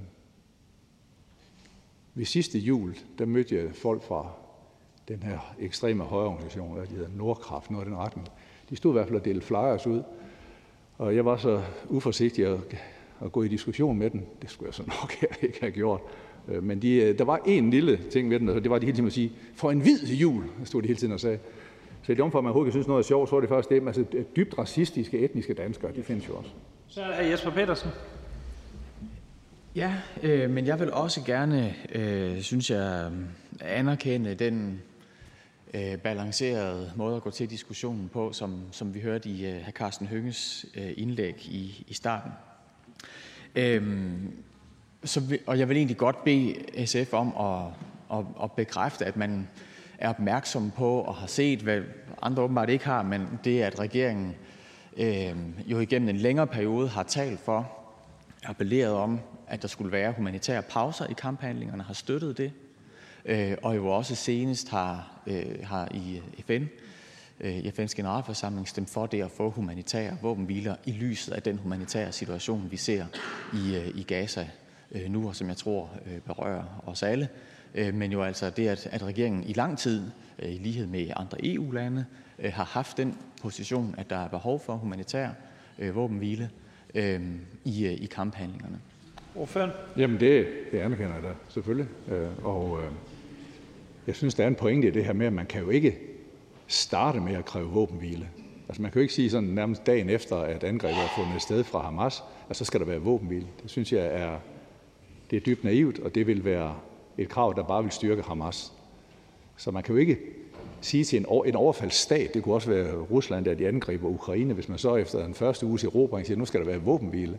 Det giver ligesom ikke rigtig mening, fordi den, der er blevet overfaldet, det kan være Ukraine, eller det kan være Israel, har selvfølgelig ikke bare ret til, men skal selvfølgelig forsvare sig selv. Så derfor har der været brug for at have humanitære pauser, men der, hvor vi er henne nu, og det kan vi heldigvis også se jo bakket op af tusinder af demonstranter i Israel, det er krav om en mere varig våbenhvile. Hvad den så vil indeholde, det er jo klart, den skal også indeholde garantier fra nabolandene, fra USA. FN skal spille en rolle, og jeg tror også, EU kommer til at spille en rolle i forhold til den økonomiske genopbygning af, Hamas, af, af, af Gaza øh, og, og i øvrigt også af Vestbreden. Men jeg er glad for regeringens position, hvor man øh, i FN stemte for den sidste resolution. Spørgen. Tak for det. Øhm, og og tak for svaret. Og når jeg spørger sådan, så er det jo fordi, at det er fremgået af enhedslistens indlæg i debatten her. Det var som om regeringen altså, vendte det blinde øje til, eller slet ikke havde ment noget om de her spørgsmål. Øh, og, og, og ikke havde ment, at der var behov for øh, humanitær våbenhvile øh, af hensyn til, øh, til de civile i, øh, i, i Gaza. Og, og bare for at være sikker på, at at vi ligesom havde isoleret den misforståelse, øh, og det ikke var udbredt i Folketinget, er jeg glad for, at hr. Carsten Hønge kunne bekræfte det i, i sit svar her. Tak for det. Ordføren? Jamen det, det, sådan, er, sådan har situationen jo været, at regeringen har jo netop argumenteret i forskellige situationer for humanitære korridorer, våbenhviler osv., eller pauser i hvert fald. Men jeg vil også godt sige, at jeg synes også godt, at regeringspartierne kunne stemme for ændringsforslagene. Det synes jeg nu egentlig godt. Fordi, og så har vi ja godt, at Jesper Petersen også berettiget rejser diskussion om, hvor meget kan man ændre i et borgerforslag, så det kommer så langt væk fra det, de oprindeligt havde stillet, når man ikke kan spørge 80.000 mennesker om det. Men jeg synes alligevel, at det vil være et godt signal om regeringspartierne at stemme for ændringsforslagene. Så er det fru Mette Thiesen. Tusind tak. Vi kan godt hurtigt blive enige om, at øh, der er idioter øh, alle steder, men faktum er jo, at jødehad og antisemitisme det er en del af islam. Og når islam får mere magt og kraft, jamen så kommer jødehadet helt øh, af sig selv. Og det er et importeret problem. Øh, og man kan jo godt som øh, nuværende udenrigsminister, øh, tidligere statsminister, hr. Lars Løkke Rasmussen, mene, at der er nogen, der har voldtaget islam. Man kan også stille sig op herude og holde i hånden og synge Imagine med John Lennon og tro, at det løser alle problemer. Det tror jeg sådan set godt normalt tænkte mennesker ved, at det gør det selvfølgelig ikke. Det er jo naivitet grænsende til idioti. Men vi ser nu øh, mennesker, der er kommet hertil, eksempelvis den her influencer Armani, som jeg eksempelvis har været opmærksom på igennem mange år, som har reklameret for børnetelefonen og alt muligt andet, som nu er anklaget for at hylde terror, som er ret berettiget, fordi det har gjort. Mener ordføreren ikke, at sådan nogle mennesker, de, hører, de skal simpelthen ud af Danmark? Mener ordføreren, at sådan nogle mennesker hører til i Danmark, hvis man åbenlyst hylder en terrorbevægelse? Hører man til i Danmark så? Jo, altså, lige så vel som det ikke er min opgave at stå her og, og pege ud, hvor i verden der får krigsfor, foregår krigsforbrydelser, kan jeg jo heller ikke stå og pege enkeltpersoner ud om, hvem der ikke bor i Danmark, hvis de i øvrigt har opholdsgrundlag her. Men jeg vil godt give Mette, have fru Mette Thiesen så meget ret, at mennesker, der hylder styrer, der bygger på had mod homoseksuelle, ønsker at holde piger og kvinder ned, der lever i så åndsformørket et univers, øh, som blandt andet kan inkludere øh, antisemitisme. Ja, der synes jeg der faktisk at diskutere og finde hen til, til, til land, hvor, hvor sådan nogle styre er. Så kan de se, hvordan der er at leve der. Så det vil bare være en almindelig opfordring til dem, men det er jo ikke fordi, jeg kan sige, at jeg, skal, jeg kan sende folk ud af landet her fra talerstolen. Men jeg synes da egentlig, hvis de synes, det er så fantastisk at leve i fundamentalistisk, islamistisk styre, så synes jeg, det er godt, at vi kunne skille sammen til nogle enkeltbilletter her i Folketinget. Spørgen? Jamen, øh, i Dansk Folkeparti er der ingen tvivl om, at vi, vi deler det, at, øh, at folk skal rejse hjem. Det, der bare er udfordringen, det er, at øh, det gør de ikke, fordi at danskerne simpelthen igennem så mange år har, til, har vedtaget så mange øh, love, naive danske politikere har vedtaget så mange love, så det er simpelthen for lukrativt for dem at blive her. Så kan man jo lige så godt indføre kalifatet her, øh, eller indføre den der mellemøstlige, middelalderlige livsstil her i Danmark. Øh, og det skal vi jo stoppe. Og det er derfor, jeg siger, at det nytter ikke noget, at man har den her naive tilgang, at man tror, at det løser sig, hvis man står og synger John Lennon-sange på Rådhuspladsen og holder hinanden i hånden. Det eneste, der løser det her problem, det er, at man smider de mennesker ud, som ikke hører til i Danmark. Ja, det, jeg kan også se det for mig selvfølgelig, at vi står nede på Rådhuspladsen og, sådan, og synger. Øh, men øh, jeg synes også, det er useriøst af fru Mette Thiesen at sige, at der findes en række mennesker her, herunder også etniske danskere, går jeg ud fra, født og opvokset etniske danskere, men som er også op, opslugt af, af jødehad. Og så skal vi sende dem et eller andet sted hen. Altså det, var det, det, det er sådan noget, det lyder godt, når man siger det, men, men, men i bund og grund, så er det jo noget, så er det noget populistisk sludder, ikke? Fordi hvor skulle vi sende de mennesker hen? Eksempelvis en etnisk dansker, der er født her, hvor skulle man sende vedkommende hen? Eller for så vidt alle andre, der, der kan have dansk statsborgerskab eller opholdsgrundlag. Så jeg tror, jeg vil holde det til en opfordring til, at hvis man synes, det er så fantastisk at leve i kalifat, så flyt dog. Så er det her Nick Zimmermann. Jødehadet i Danmark det består af en hovedsageligt importeret ideologi fra Mellemøsten. Er man i tvivl om det, så skal man bare høre til de demonstrationer, der foregår næsten hver evig eneste aften her i København. Det er den ideologi, som Israel nu prøver at knække i Gazastriben. Men der er ikke den politiske vilje til at knække den ideologi i Danmark, til trods for at den også findes i blandt os. I stedet for så har vi nogle svage politikere, ikke kun Alternativet og Enhedslisten, men også blandt SF, blandt vores regering, blandt vores justitsminister, udlændingeminister, statsminister. De fejler, og de svigter. Hvis ikke man er parat til at gøre et opgør mod den ideologi, der er så hadsk og er så frygtelig, men er så vel udbredt her i landet, så har man ikke forstået noget som helst. Når man på, fra Folketingets talerstol, som hr. Carsten Hønge kan stå og sige, gentage justitsministeren og sige, at det er fakkeloptog, der skal til for at stoppe jødehadet. Ordføreren? Jeg lige efter. Har jeg virkelig i dag sagt, at det er et fakkeloptog, der skal der er svaret? Jeg tror det egentlig ikke. Øh, Men nu var det et initiativ, som øh, det jødiske samfund i Danmark tog, og så synes jeg da, at det er en god idé at bakke op om det, og jeg var der selv. Jeg kan så forstå på Henrik Zimmermann, der har sådan en foragt over for fakkeloptog, som jøderne selv organiserede, men så ikke deltog. Det gjorde jeg så. Men det er da ikke svaret. Det er også en, det er, så bliver diskussionen fuldstændig altså, igen så, så polariseret. Det er som om, at Facebook rykker her ind i Folketinget, hvis vi stiller sådan en modsætning op, og sådan gør nar af et parti, der siger, så mener I bare, det er fakkeloptog eller fællesang på rådhuspladsen. Vi prøver faktisk at gå til det her på en, en anderledes en seriøs måde, og jeg vil bare gentage, øh, SF bygger på, på frisind, på demokrati og på religionskritik. Det er en øh, århundrede lang tradition i den socialistiske bevægelse, og som SF øh, stadigvæk holder ved lige. Spørgen? Okay. Hvis vi ikke bekæmper jødehadet i Danmark med fakkeloptog og med store banner på rådhuspladsen, hvordan vil SF så bekæmpe det massive jødehad, den ondskabsfulde ideologi, der findes meget, meget, meget udbredt i muslimske miljøer i Danmark?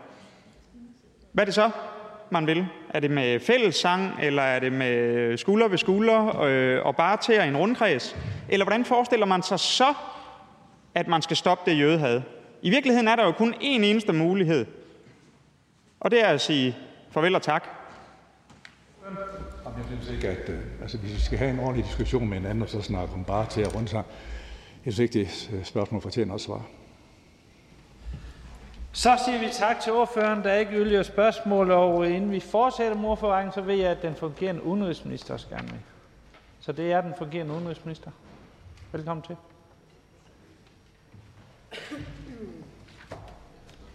Skål.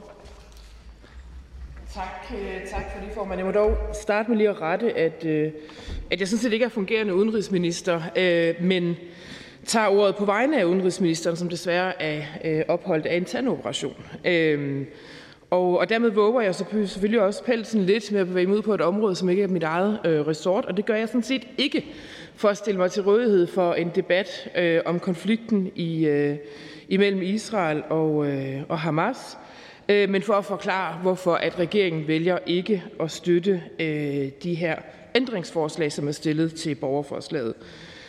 Der er øh, gode elementer i borgerforslaget, for eksempel på det, på det humanitære område, hvor vi jo fra regeringens side er helt enige i, at den humanitære situation er katastrofal.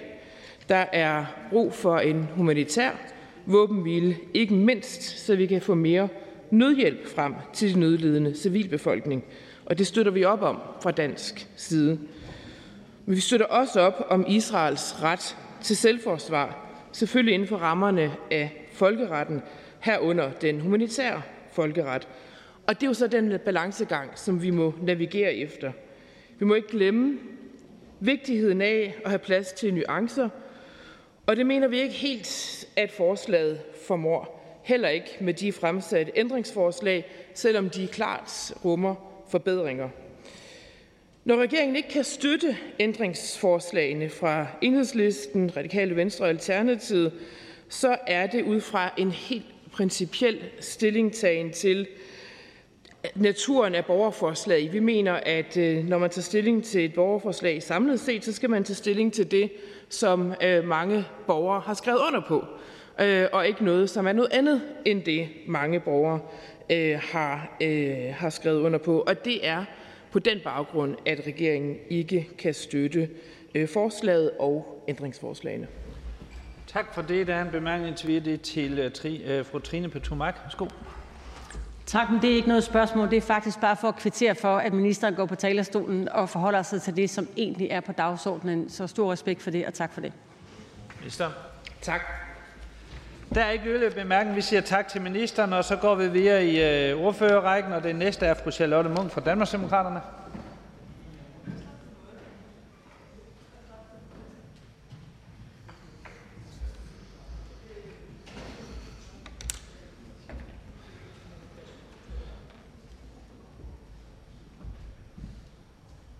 Velkommen.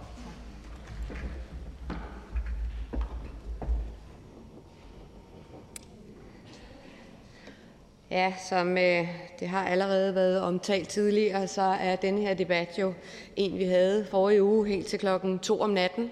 Øh, men det er til synligheden en debat, der kræver rigtig meget øh, af os alle sammen, og rigtig mange øh, taler, rigtig mange kommentarer, fordi den øh, fylder rigtig meget øh, i Danmark. Øh, forslaget øh, er fra vores side øh, set meget ensidigt, og øh, det mener vi har en kraftig slagside.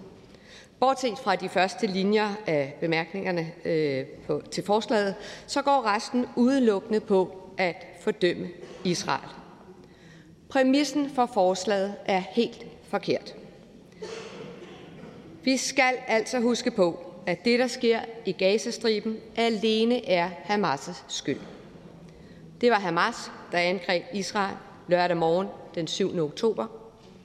Det var Hamas, der sendte raketter ind over Israel, trængte ind i Israel og myrdede løs og tog omkring 240 gisler.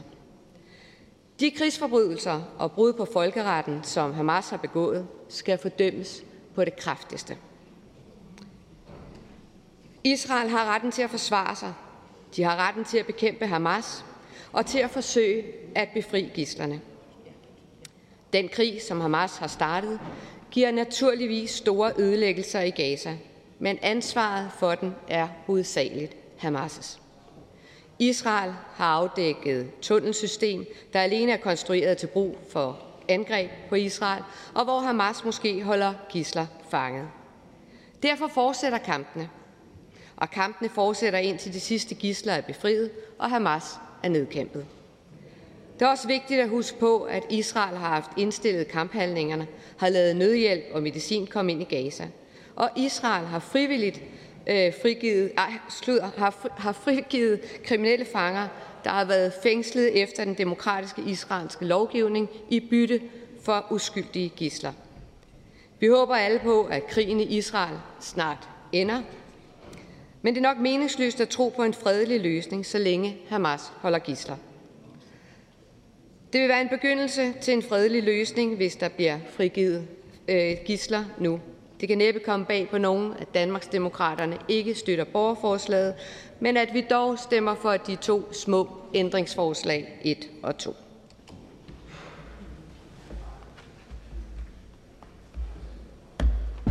Og der er ingen korte bemærkninger, så vi siger tak til fru Charlotte Munk fra Danmarksdemokraterne. Jeg giver nu ordet til hr. Christian Friis Bak fra Det Radikale Venstre.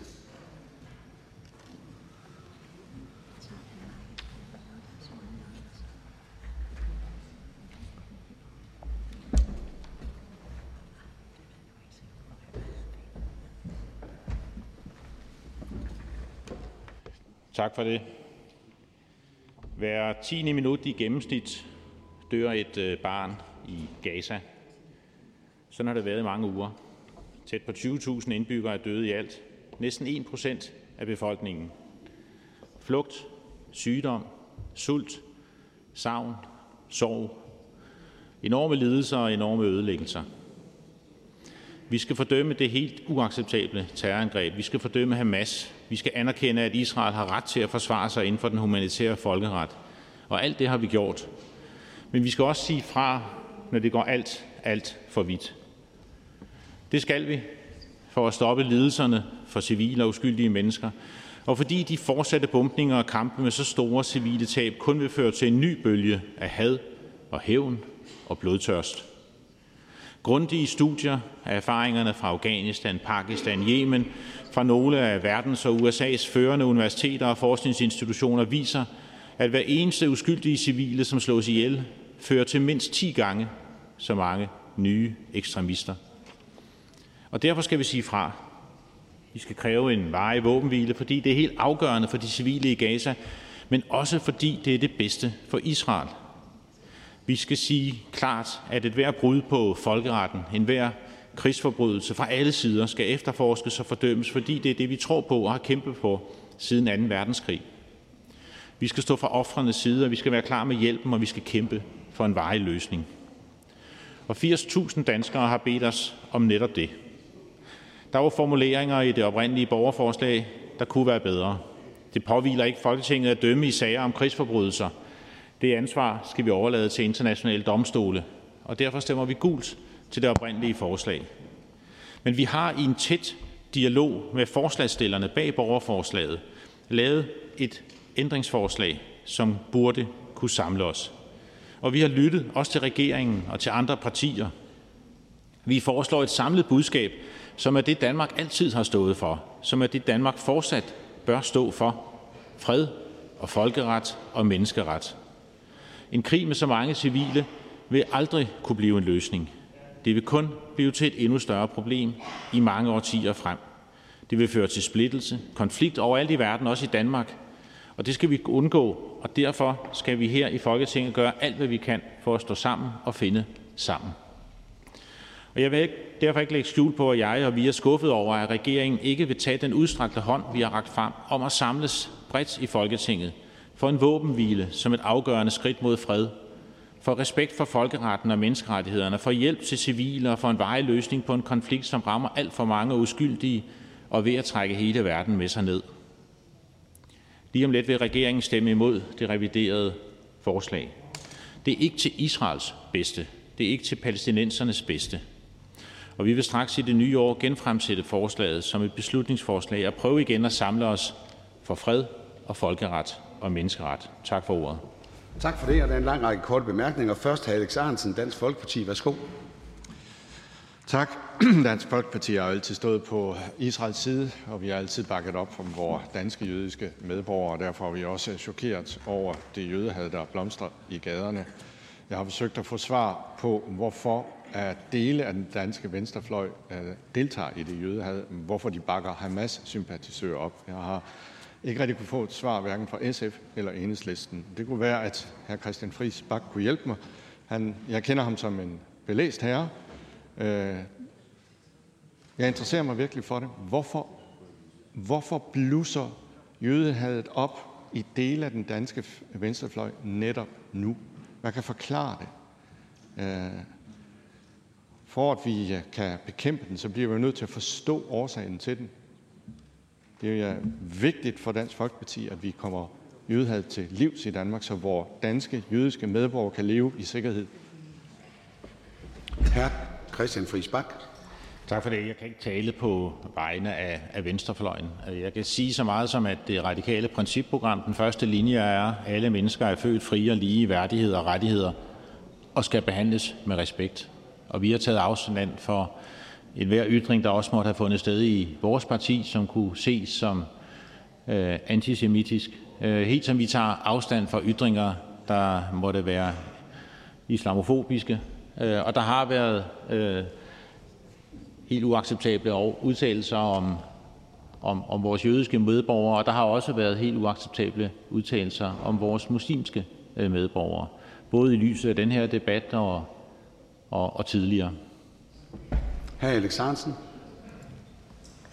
Ordførerne bliver, føler sig ramt, når jeg stiller dette spørgsmål. Både Enhedslisten og SF's og nu også det radikale Venstres ordfører. Jeg beder egentlig bare om en forklaring på det jødehad, der er i visse dele af venstrefløjen i Danmark. Hvad skyldes det, og hvorfor er det opstået nu? Har ordføreren forklaring på det? Hr. Christian Friis Bak. Jeg repræsenterer og vil ikke forsøge at forklare ting, der forstår foregår på, på, på venstrefløjen, men jeg forstår heller ikke øh, det jødehad, man har set spire frem. Jeg forstår heller ikke det had mod muslimske medborgere, som vi har set spire frem. Jeg kan sige, at som parti, at det er tolerancen og respekten, øh, et opgør med enhver form for racisme og diskrimination, er helt afgørende for os som parti. Og derfor finder vi også, at det er, det er jo det, vi skal samles om, øh, og det er jo derfor, vi ser det her forslag som en vigtig brik til netop at kunne stå sammen og samles øh, om de budskaber. Hr. Michael Åstrup Jensen, Venstre, værsgo. Jamen tak for det. Når man synes, at øh, Israel er gået for langt, så kunne man jo også godt forvente, at man så også siger, hvad skulle Israel gøre i stedet for? Og derfor er spørgsmålet fra min side jo, det er, hvad er efter Radikale Venstres opfattelse det, Israel skulle gøre øh, efter den 7. oktober, ikke mindst over for en terrororganisation, som jo stadigvæk den dag i dag siger, at man ønsker ubegrænset krig, man ønsker at udslette alle jøder, der er på jordkloden overalt i verden. Ikke bare Israel, men overalt i verden. Hvad er modsvaret til det? Er det at vende den anden kendt til, eller er det at tage kampen op mod en terrororganisation, som kun ønsker én ting, det er at stå civile ihjel. Hr. Christian Friis Bach. Det har jeg prøvet at svare på, det spørgsmål, flere gange fra talerstolen. Det Israel skulle have angrebet med, er alt det, vi tror på. Demokratiet, retsstaten, menneskerettigheder, folkeretten. Vi skulle have gået efter hver eneste Hamas-kriger, hver eneste Hamas-ansvarlige øh, med sanktioner, med isolation, med en retsforfølgelse, så vi kunne have stillet dem til ansvar. Hvis Israel havde reageret med det, havde man dannet bro til de mange palæstinensere, som ønsker det demokrati i retsstaten, som tager afstand fra Hamas. Man havde dannet en bro til de arabiske lande, til USA, til det internationale samfund, til den internationale straffedomstol. Man havde samlet os i et opgør med ekstremismen øh, og med øh, den terror, og, som, som fandt sted. Og det er det, vi tror på, og det er det, vi skal kæmpe med. Retsstaten, demokratiet, love, formet i vores samfund og de internationale regler, vi har kæmpet for. Det havde været det bedste forsvar for Israel. Michael Åstrup Jensen. Men det her er jo ikke et par mennesker. Det her det er over tusindvis af terrorister. Ligesådan som da vi bekæmpede islamisk stat, dengang vi bekæmpede al-Qaida, der snakkede man jo heller ikke om, at man ville have tusindvis af terrorister retforfulgt ved forskellige internationale domstole i et eller andet mærkeligt system, som radikale venstre åbenbart nu ønsker. Det her det er jo en terrorbevægelse i lige så stor størrelseorden, som det islamisk stat var, og som også al-Qaida var. Så hvordan og hvorledes vil man bekæmpe dem, eller vil man kun gå efter lederne, og så være ligeglad med de andre terrorister? Hr. Christian Friis. Man ved, hvem de er. Man ved, hvem langt de fleste af de terrorister, der angreb var. Man kender deres ledere, man kender de ansvarlige. Og vi har før set historiske retsopgør efter 2. verdenskrig, efter folkemordet i Rwanda, hvor tusindvis af mennesker øh, er blevet stillet til ansvar for deres kriminelle handlinger. Og de retsopgør har givet os et ståsted af retsstat og demokrati. Det havde bygget op om den internationale samarbejde. Øh, og hvis Israel havde angrebet med alt det, havde vi alle stået bag dem. De arabiske lande, de moderate palæstinensere, og vi havde undgået det, vi ser nu, nemlig at vi nærer den ideologi, som Hamas trives af. Hr. Frederik Vad, Socialdemokratiet. Værsgo. Tak for det. Jeg vil også sige, som jeg sagde, øh, både til hr. Carsten Hønge og til fru Trine Patumak, at, at jeg altså, synes også, det er fuldstændig forfærdeligt, hvad der foregår i, i Gaza. Og jeg synes, man skal indsamle beviser og dokumentation øh, øh, i de tilfælde, hvor at man kan sige, at det er den israelske regering, som har hovedansvaret for øh, forbrydelser. Jeg vil bare lige sige, som en, der kun har foragt til overs for den israelske højrefløj, øhm, kan hr. Christian Friis Bak forklare, hvornår det radikale venstre mener, at det her angreb det blev uproportionalt? Fordi det synes jeg egentlig er ret vigtigt. Det, som synes jeg har gjort den her debat fuldstændig ulidelig at være en del af, det er jo, at fra det sekund, at statsministeren begyndte at diskutere det på sociale medier, da myrderierne mod jøder var i gang, der blev der råbt og skreget om ubalance, og der blev råbt og skreget om manglende proportionalitet. Og derfor er det ikke uvæsentligt at høre, hvornår det radikale venstre mener, at Israel begyndte at svare uproportionalt. Hr. Christian Friis Bak. Jeg har fra starten argumenteret for, at et så massivt væbnet angreb i et så lille område med så mange civile øh, ikke er det bedste forsvar for Israel. Der blev smidt 6.000 bomber i løbet af de første uger. Allerede der blev tusinder slået ihjel. Og mit pointe er ikke øh, Israels ret til at forsvare sig. Det er, hvad er det bedste forsvar for Israel? Og jeg tror, det bedste forsvar for Israel ville være, hvis de ikke havde smidt en eneste bombe, men hvis de havde samlet os alle, inklusive alle de moderate palæstinenser, som tager klart og tog klart afstand fra Hamas, samlet dem i et retsopgør med den ekstremisme og den terrororganisation, som Hamas øh, står for. Og vi havde retsforfulgt, isoleret, sanktioneret hver eneste øh, Hamas-kriger, hver eneste Hamas-ansvarlige. Det havde været det bedste forsvar lige fra starten for Israel. Og så havde alle, inklusive den arabiske verden, det internationale samfund, stået bag Øh, og det er det, vi skal kæmpe med. Retsstaten, demokratiet, menneskerettighederne, folkeretten. Det er vores bedste forsvar. Hr. Frederik Vad. Men hr. Christian Friis Bakken, det vil man jo aldrig have krævet af nogen andre stater, der var blevet angrebet. Det hr. Christian Friis Bak står og siger, efter den 11. september 2001, der var der et bredt politisk flertal bag Afghanistan-krigen. Øh, altså, Det her Christian Friis Bak står og siger, hvis 1200 mennesker var blevet slået ihjel i et terrorangreb i et hvilket som helst andet land af naboen, det radikale venstre ville da aldrig have svaret på den måde i den situation.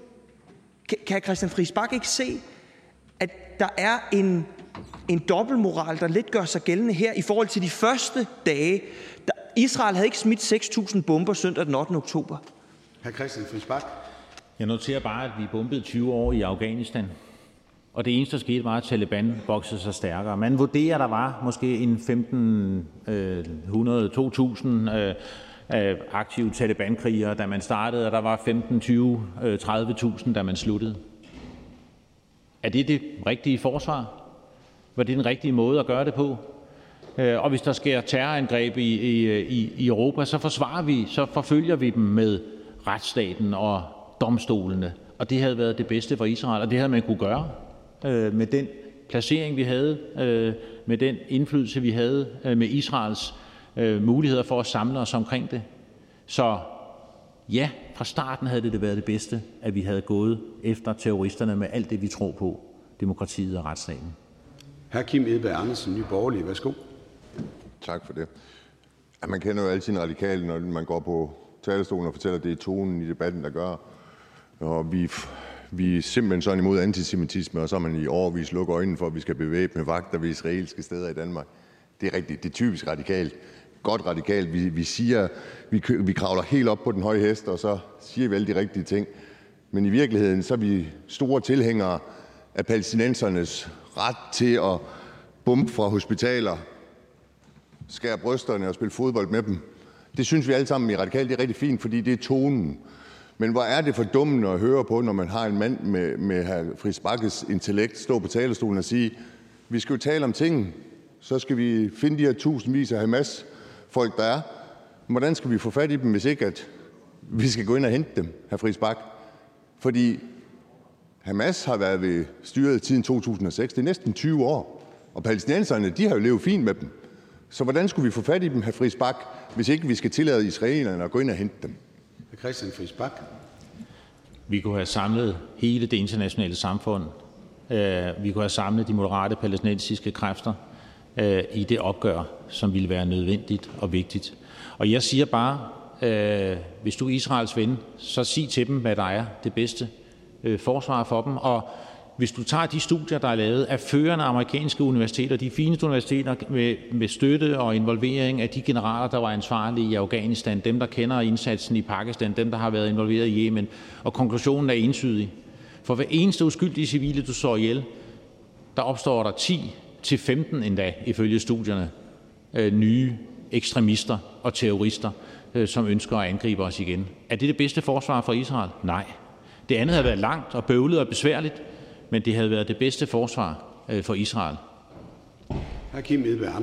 Det er jo igen den her fordummende retorik i, at, at, at det må være sådan, det er, hr. Friis Bak, fordi virkeligheden, vi har jo set sådan noget historisk i forvejen. Vi havde jo øh, Hitler og Tyskland, som invaderede lande i Europa, øh, og dem, dem fjernede vi så med magt. Vi fjernede selve ideologien ved magt. Så påstanden er, at vi alle sammen er blevet nazister, fordi at det blev fjernet med magt. Det er jo det her, Friis Bak står og gemmer det her under med, at palæstinenserne skal have lov til at slå uskyldige ihjel, og så skal de ellers lige så snart det er over være ofre, som ikke må, der ikke må være nogen gengældelse. Skal vi lige minde om, at palæstinenserne er 2 millioner mennesker. Hvis de ville have afsat Hamas, så kunne de bare have gjort det. De har haft siden 2006. Er virkeligheden ikke, at palæstinenserne faktisk bakker op om Hamas, og det gør radikale venstre også. Hr. Christian Friis Bak. Det gør Radikale Venstre ikke, og modsat hr. Kim Edberg, så bruger jeg ikke øh, nedsættende udtryk om, øh, om mine politiske modstandere. Øh, jeg kan bare notere, at vi tager entydigt og klart afstand øh, fra Hamas øh, og fra den terror, der fandt sted. Men vi kommer også med det klare budskab, at modsat, og det her er ikke en krig, det er ikke et, angreb øh, af en krig af et andet land, der går ind øh, og invaderer, øh, som vi ser det i Ukraine. Det er et terrorangreb, og terrorangreb bekæmper vi bedst med alt det, vi tror på: demokratiet, retsstaten og de regler, vi er enige om i fællesskab, og den internationale folkeret, øh, som vi har besluttet. Tak. Tak for det, og der er ikke flere korte bemærkninger. Vi siger tak til hr. Christian Friis Bak. Jeg giver nu ordet til hr. Morten Messerschmidt, Dansk Folkeparti.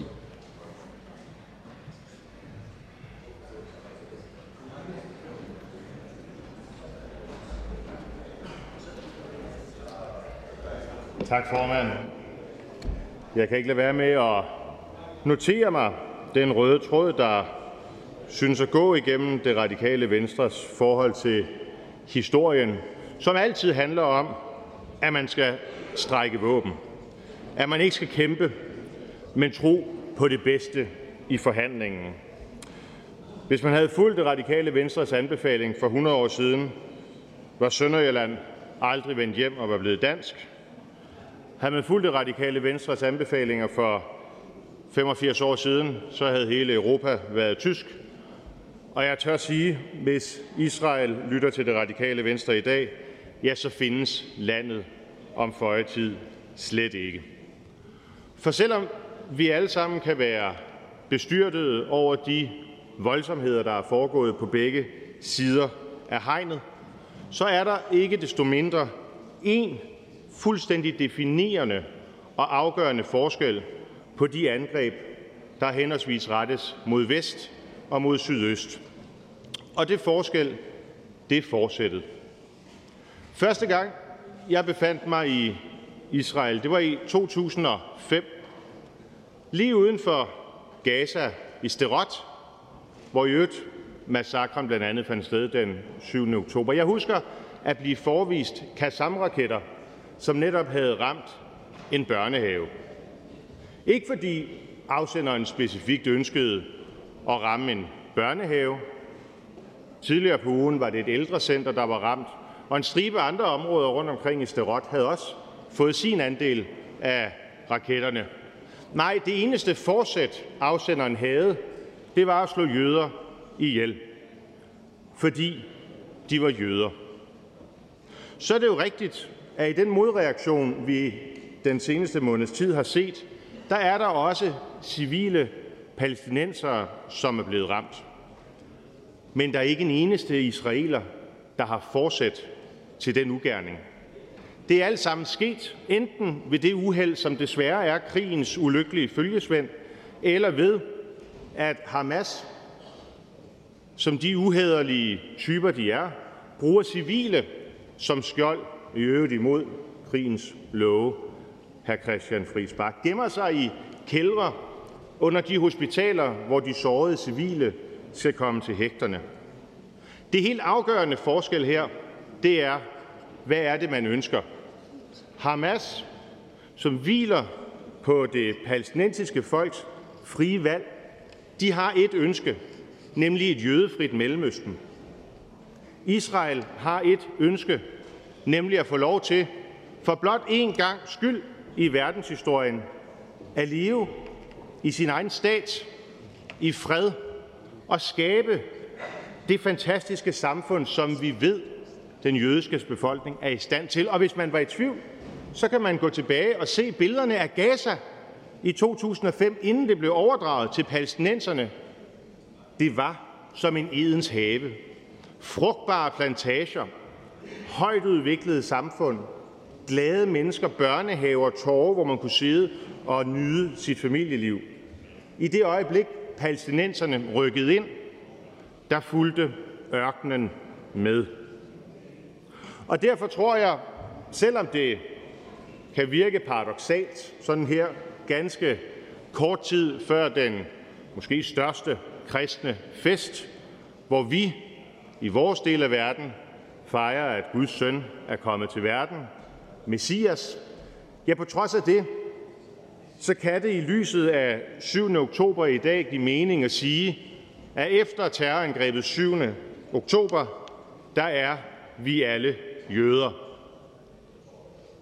Jøder i den forstand, at vi er i samme båd, at vi deler skæbne, at vi deler livsvilkår med det jødiske folk.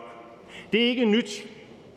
Jeg tror, det var under Christian den 4., at jøderne blev budt velkommen til Danmark, først fra Portugal, Sydeuropa, siden også fra Østeuropa, og siden har det været et fuldstændig gnidningsfrit, harmonisk, lykkeligt folkeligt fællesskab, fordi hele vores verden, alt det, som vi i dag er en del af, alt det, der udgår fra renaissancen med demokrati, den frie forskning, kønnenes ligestilling osv., alt det hviler på det fælles jødisk kristne åndsgrundlag.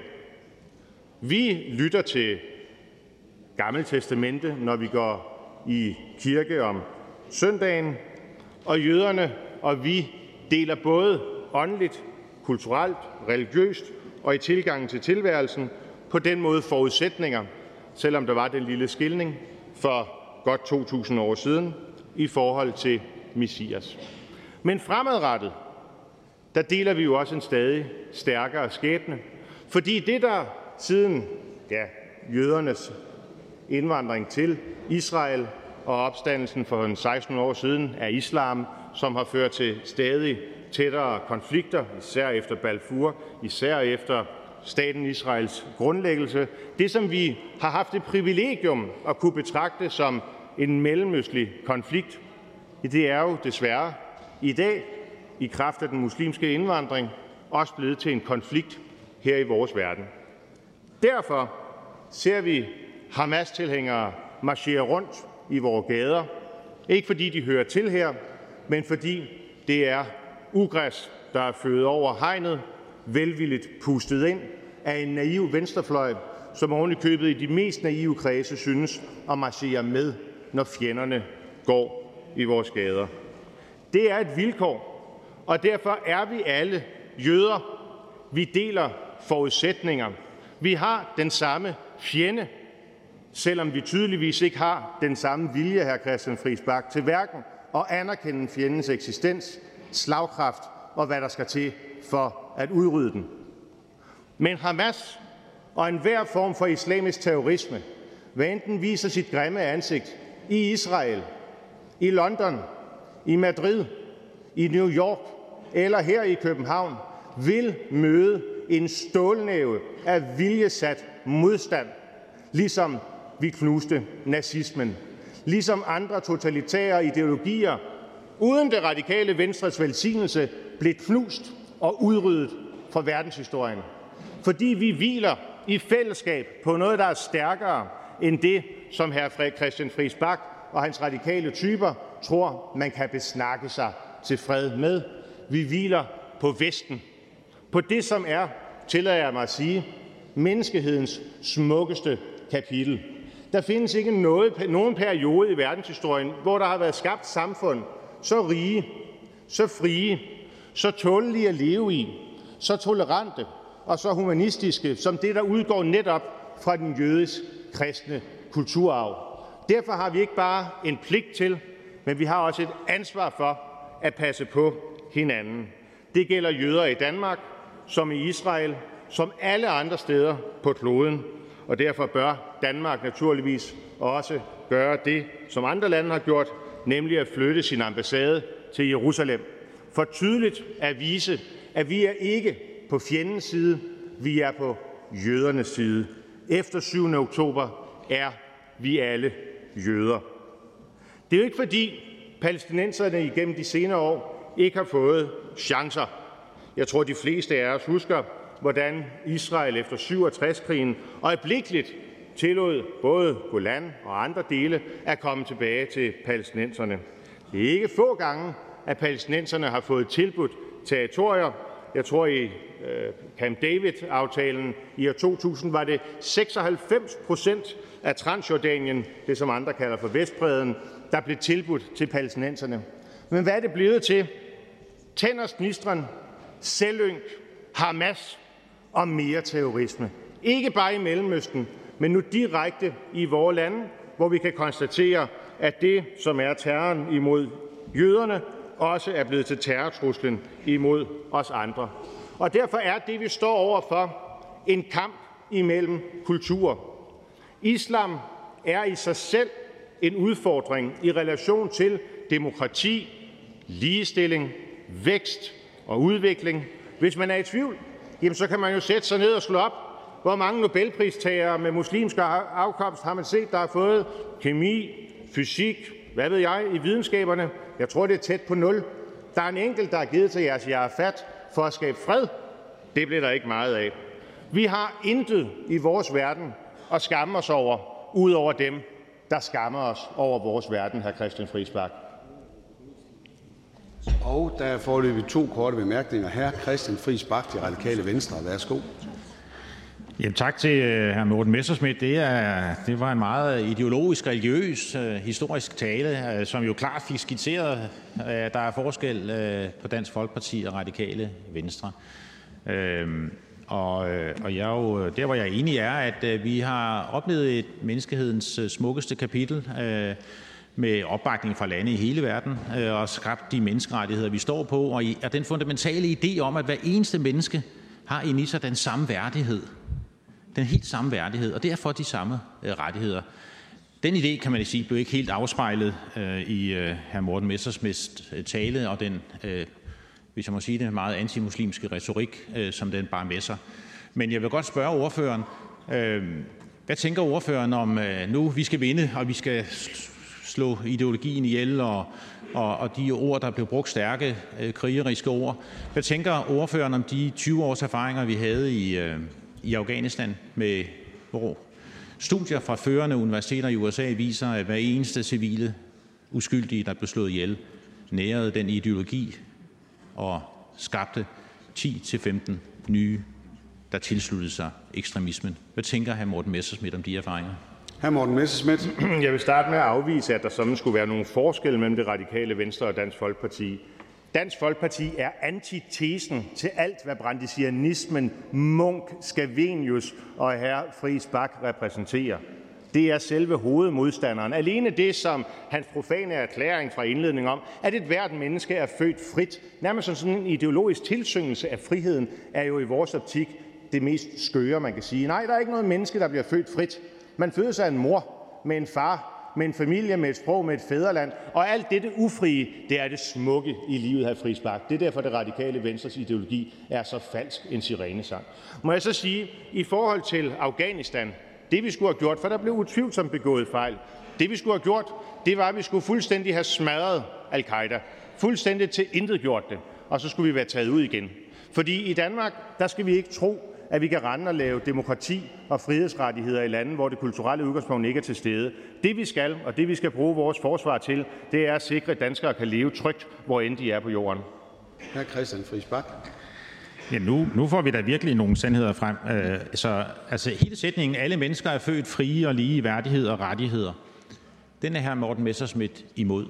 Øh, så, så jeg skal bare lige forstå det helt. Altså, verdenserklæringen om menneskerettigheder, den øh, ønsker Dansk Folkeparti, at Danmark øh, meddeler, at vi ikke øh, tilslutter os længere. Er det, er det det ideologiske fundament, som Dansk Folkeparti står på?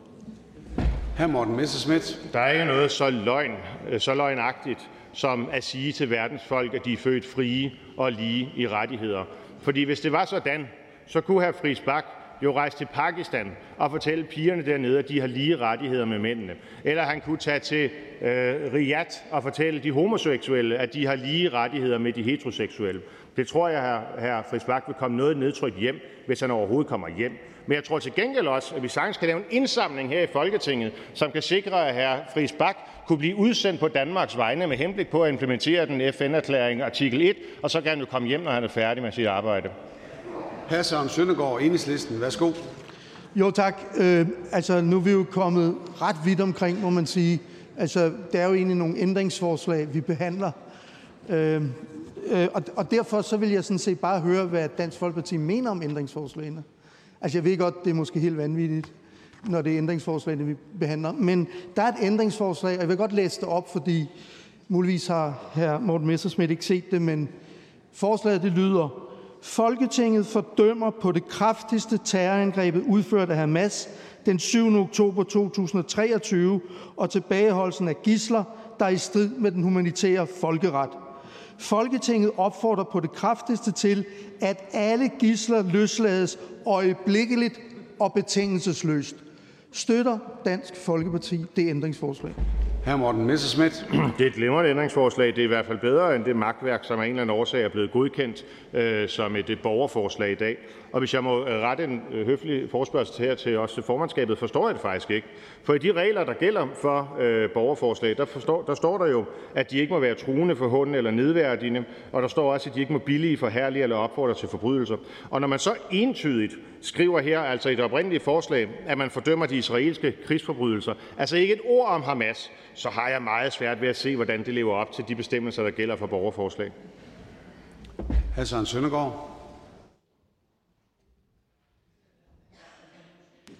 Måske kunne hr. Morten Messerschmidt starte med at diskutere det med sin partikollega Peter Kofod, som har sat sit navn på, på det borgerforslag, vi behandler her i dag. Så, så altså, det går jeg ud fra noget, der er afstemt i Dansk Folkeparti, eller, eller hr. Peter Kofod er måske ikke længere medlem af Dansk Folkeparti, eller har måske handlet i modstrid med hr. Morten Messerschmidts ordre. Nå, lad det nu ligge. Jeg manglede bare et svar på, stemmer man ja eller nej til de ændringsforslag, som er fremlagt? Hr. Morten Messerschmidt. Altså, det kan godt være, at jeg har misforstået noget, men jeg havde ikke indtryk af, at de gruppeformænd, der bliver stillet på som afsender til borgerforslagene, gør det, fordi de sådan billiger det.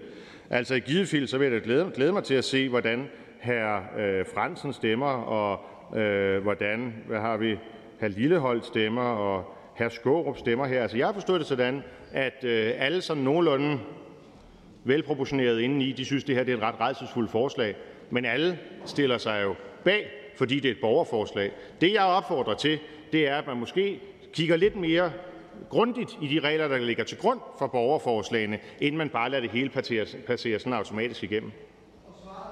Tak for det. Og der er ikke flere korte bemærkninger, så vi siger tak til hr. Morten Messerschmidt fra Dansk Folkeparti. Jeg byder nu velkommen til hr. Kim Edberg Andersen, Ny Borgerlig. Tak for det, formand. Hvem skulle have troet, at Nye Borgerlige de skulle bære julefreden ind i Folketinget? Så det venter vi lige med. Så tager vi det, der kommer inden julefreden først. Der er nogle teknikaliteter i det her, som vi også nævnte uden på natten, ja, lige der omkring kvart i to i torsdags, hvor vi siger, jamen øh, et borgerforslag er jo skrevet under i den form, det står, og derfor så hjælper det ikke, at Friis Bak får en god idé og, og omformulere det, og så er det stadigvæk et borgerforslag. Der må have Friis Bak ud og finde sine egne underskrifter igen, så man skulle have trukket det her forslag, hjulpet de mennesker, der er sat stille det, og så stille det igen og se, om de kunne få underskrifter der. Det er den ene ting. Det er et voldsomt ensidigt øh, forslag, som godt nok i bemærkningerne nævner, at Hamas også er til stede i, i konflikten, men udelukkende fordømmer krigsforbrydelser. Det ved vi ikke noget om, så det kan vi heller ikke skrive. Øh, og så ja, ja, territoriet, det er de rigtige, det er Israel, og det er dybest set det, vi kan bakke op om som Folketing. Og der skulle have fri spark i stedet for at komme med den her sang om, at han vil hjælpe mennesker, have ringet de her mennesker op og sagt: Skal vi ikke prøve at lave et nyt, som rent faktisk øh, har gang på jord i Folketingssalen? Men hr. Friis Bak svinger sig op i det høje lian. Det gør han, hver gang han kommer på talerstolen. Det er jo altid dejligt. Det er jo altid forfriskende at se en radikal, som overhovedet ingen øh, sans har for verden omkring sig. Øh, der er ikke noget nyt i, men hr. Friis Bak tager det alligevel til nye højder. Øh, og, og skal vi ikke sige, i sin essens, der er Hamas en terrororganisation, som har et formål, antisemitisme. De vil slå jøderne ihjel. Det er det. Det synes hr. Friis Bak det er en fantastisk organisation, fordi det er jo en, hr. Friis Bak gentagende gange har stået og forherliget heroppe og sagt, det er jo bare øh, nogle mennesker, som egentlig ikke folk der misforstår, hvad det er, de går ud på, de mener. Når de 1400 mennesker tager ind og voldtager og skærer brysterne af kvinder og spiller fodbold med dem, så er det bare for noget, det er nogle stakkels misforståede mennesker. Det er det ikke, hr. Friis Bak. Det er mennesker, der slår jøder ihjel. Og når vi så ser ud, som nogle af de andre ordfører også har sagt, og ikke kan forstå, at antisemitismen den vokser i Danmark, jamen hvordan kan hr. Friis Bak så være i tvivl om, at et Folketing, som alligevel en gang imellem bevæger sig udenfor, som nogle af os gør, hr. Friis og ser, hvad der sker, ser de bevæbnede magter, ser plakken fra hr. Dan Hussein, vi går forbi, hvordan han kan for, ikke kan forstå, at et Folketing overhovedet ikke kan bakke op om noget, som i sin essens vil være at bakke op om Hamas og antisemitisme, altså retten til at slå jøder ihjel, det er det, vi skal bekæmpe, hr. Friis Bak. Det var også det, vi skulle bekæmpe i 2. verdenskrig, hvor øh, hr. Friis Bak ville være blevet kaldt Chamberlain dengang og have lavet den her appeasement. Vi lukker øjnene, vi vender den anden kind til, så går det nok, vi snakker lidt med dem. Og Hamas ville løbe rundt med sædleren og sige, se, vi, det, det gik så rigtig godt, og nu tager vi Israel først. Og hr. Friis Bak vil sige, ja, ja, men så er der jo i hvert fald ikke Israel tilbage. Så tager de det næste land, og hr. Friis Bak han vil stå lige så glad, som radikale også gjorde under 2. verdenskrig. Altså, vi har en Skavenius i Folketinget, og vi har i radikale i Folketinget. Desværre vil jeg sige, at dem, der ikke har lært af historien, det er de radikale. Og det er det, her Friis Bak han står og viser op, og det er det, jeg synes er for, så forfærdeligt skræmmende. Mine andre kolleger herinde fra Venstrefløjen, de, jamen jeg forstår godt, hvor de kommer fra. De har en, en forkærlighed for, for, for mennesker, som lider nød. Øh, og, og det kan man jo godt have, men virkeligheden er også bare nogle gange, at hvis man skal have fjernet ting som Hamas, som har siddet i, i, i Gazastriben siden 2006 på befolkningens velsignelse, så gør man det altså ikke ved at sende julebreve til dem her. Det gør man ikke. Man gør det ikke ved at sende flere penge derned, så de kan sætte endnu flere raketter ind på faste timeintervaller ind over Israel, som vi alle sammen har glemt at fortælle om i dag. Palæstinenserne har ikke opført sig pænt, heller ikke. Det har israelerne bestemt heller ikke, som også enhedslisten fremført. Selvfølgelig har de ikke det. Men intet, intet berettiger, at 1.400 mennesker går ind og slår uskyldige ihjel, bare fordi de synes, de har lov, og fordi det er jo jøder, og dem må man gerne. Er det ikke rigtigt, hr. Frisbak? Det er ikke i orden. Krig er forfærdeligt, og ja, civile tab er forfærdeligt. Og det er det alle steder. Men vi ved ikke noget om, der er sket for, øh, forbrydelser. Det skal vi have undersøgt. Det har vi alle ting på plads i. Og så bliver virkeligheden også bare, hr. Friis Bak, at når hr. Friis Bak står heroppe, og det var ikke, det var ikke manden, hr. Friis Bak, jeg sagde, der var dum. Det var, det, var, det var det, der kom ud af munden på ham, som jeg mente var fordummende for befolkningen. For det er fordummende at sige, at hvis vi bare siger til dem, I har været slemme, så kommer de nok selv ned til krigsforbryderdomstolen. Det er ikke sådan, det fungerer. Sådan fungerer det heller ikke efter 2. verdenskrig. Nej, der slog man det ned med magt. Man slog de tåbelige idéer ned med magt. Man slog ideologien ned med magt. Og så tog man et opgør med dem. Så fjernede man dem, man ikke kunne lide.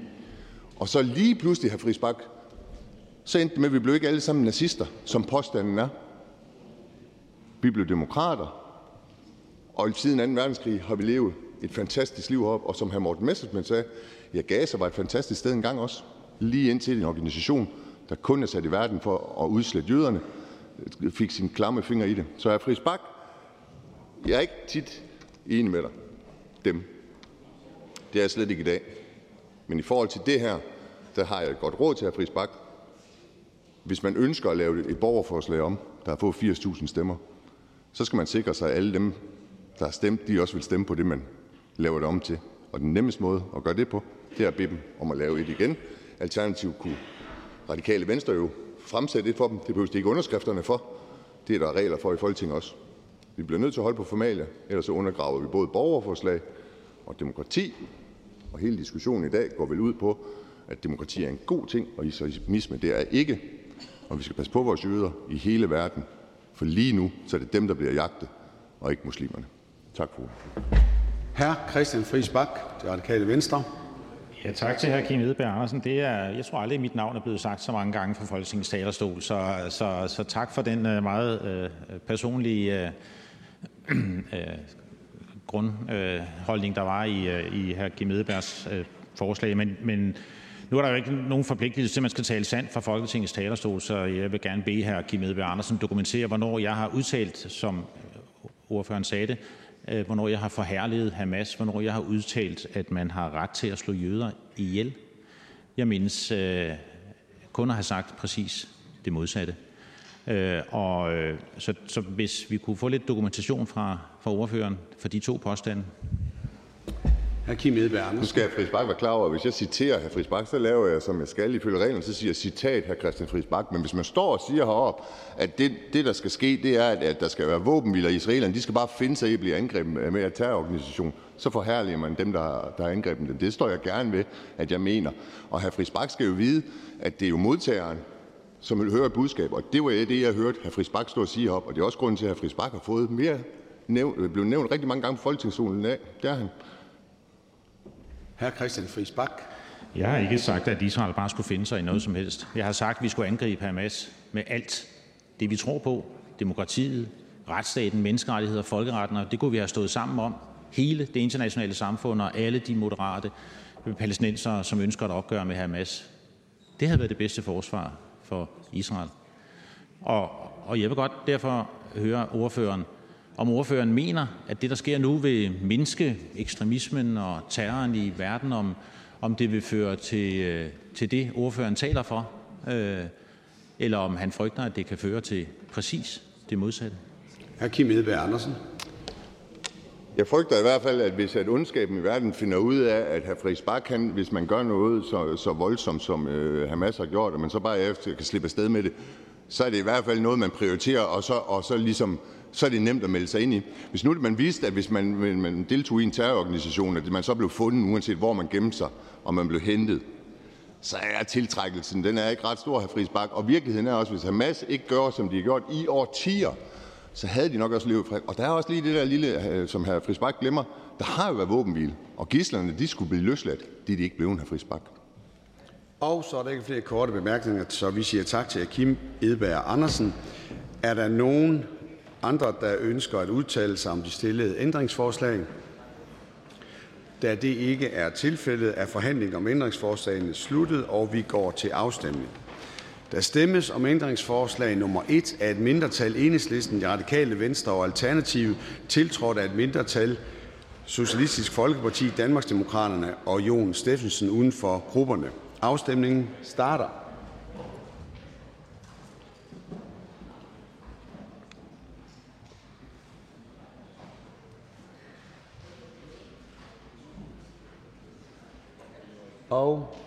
Afstemningen slutter. For stemte 31, 77 imod, ingen hverken for eller imod, forkastet. Der stemmes, stemmes om ændringsforslag nummer 2 af et mindretal Enhedslisten, Radikale Venstre og Alternativ, tiltrådt af et mindretal Socialistisk Folkeparti, Danmarksdemokraterne og Jon Steffensen uden for grupperne. Afstemningen starter.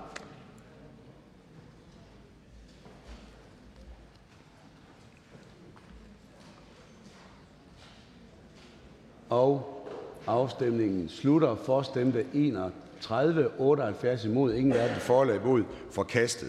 Der stemmes som ændringsforslag nummer 3 af et mindretal Enhedslisten, Radikale Venstre og Alternativet, tiltrådt af et mindretal Socialistisk Folkeparti og Jon Steffensen. Afstemningen starter.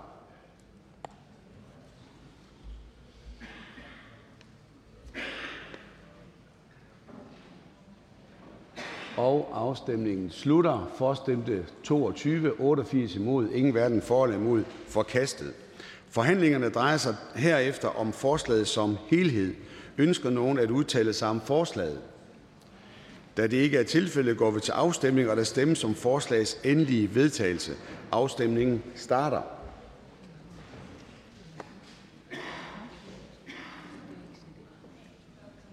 Den kører.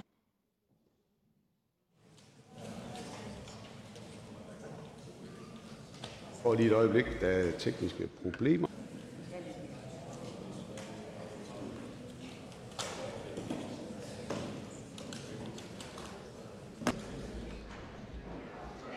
Forhandlingerne drejer sig som sagt om forslaget som helhed, og der var ikke nogen, der ønskede at udtale sig.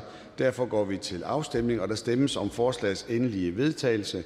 Afstemningen starter.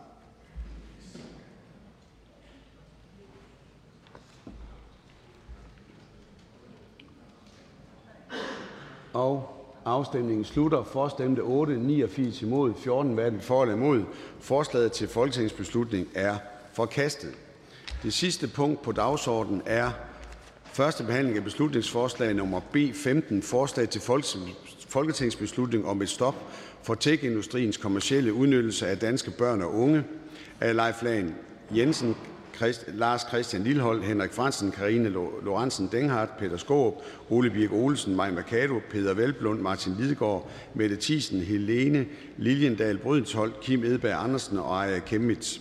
Forhandlingen drejer sig i første omgang om det stillede ændringsforslag. Fru Birgitte Vind, Socialdemokratiet, har bedt om ordet. Ja, tak for det. Det er jo lidt ekstraordinært, at vi på en og samme tid skal førstebehandle og så stemme om et beslutningsforslag eller et borgerforslag. Øh, det borgerforslag, vi skal stemme om i dag, er i høj grad et borgerforslag, som har bidraget til debat og bevidsthed om, hvad det egentlig er, vores børn interagerer med, når de er foran en skærm. Allerede ved første behandling, der stod det meget tydeligt, at de fleste elementerne i borgerforslaget er omfattet af EU-regulering. Men det gør bestemt ikke borgerforslaget mindre vigtigt. Borgerforslaget sætter blandt andet fokus på manipulerende designpraksiser, som kan påvirke børns upassende indhold og fastholde deres opmærksomhed mod deres vilje. På techfirmaers dataindsamlingspraksis og markedsføring, når det handler om børn. Borgerforslaget adresserer også det kæmpestore problem, det er, at tech-giganterne ikke sikrer aldersverifikation på f.eks. pornohjemmesider, og at mindreårige har direkte adgang til voksenindhold på nettet. Indhold, der i den fysiske verden er forbudt at distribuere via for eksempel salg i detailhandlen. I Digitaliseringsudvalget har vi fordybet os i borgerforslaget. Og tusind tak til forslagstillerne og hele udvalget for en meget konstruktiv og omfattende dialog undervejs. Vi står nu i dag med et ændringsforslag til borgerforslaget med bred politisk opbakning. Ændringsforslaget pålægger regeringen at adressere borgerforslagets ønske om at begrænse indhentning af data fra børn ved at hæve aldersgrænsen for, hvordan man, hvornår man kan give samtykke til behandling af personoplysninger. Og de øvrige punkter i borgerforslaget, der også indgår i anbefalingerne fra regeringens ekspertgruppe om tech skal imødekommes igennem EU-regulering. Og vi kan glædes over, at regeringen vil styrke disse hensyn via EU og også via kommende initiativer. Det gælder ikke mindst behovet for, at børn ikke ledes ind på sider med indhold, der ikke er aldersvarende, og som kan skade deres udvikling og trivsel. Anbefalinger der også, om, om regulering, der også kommer fra regeringens ekspertgruppe fra tech om tech-giganterne. Jeg vil egentlig bare benytte lejligheden for at sige tusind tak for en grundig proces til udvalget og i udvalget, og ikke mindst for ministerens og forslagsstillernes store engagement i, at vi kan stå her i dag med et ændringsforslag. Tak for ordet. Tak for det. Og der er ikke flere, der har bedt om ordet, så vi siger tak til fru Gitte Vind fra Socialdemokratiet. Ønsker flere at udtale sig? Da det ikke er tilfældet, er forhandlingen om ændringsforslaget sluttet, og vi går til afstemning. Ønskes afstemning om ændringsforslag nummer 1 af udvalget? Vedtaget. Forhandlingerne drejer sig derefter om forslaget som helhed. Ønsker nogen at udtale sig om forslaget? Da det ikke er tilfældet, går vi til afstemning, og der stemmes om forslagets endelige vedtagelse. Afstemningen starter.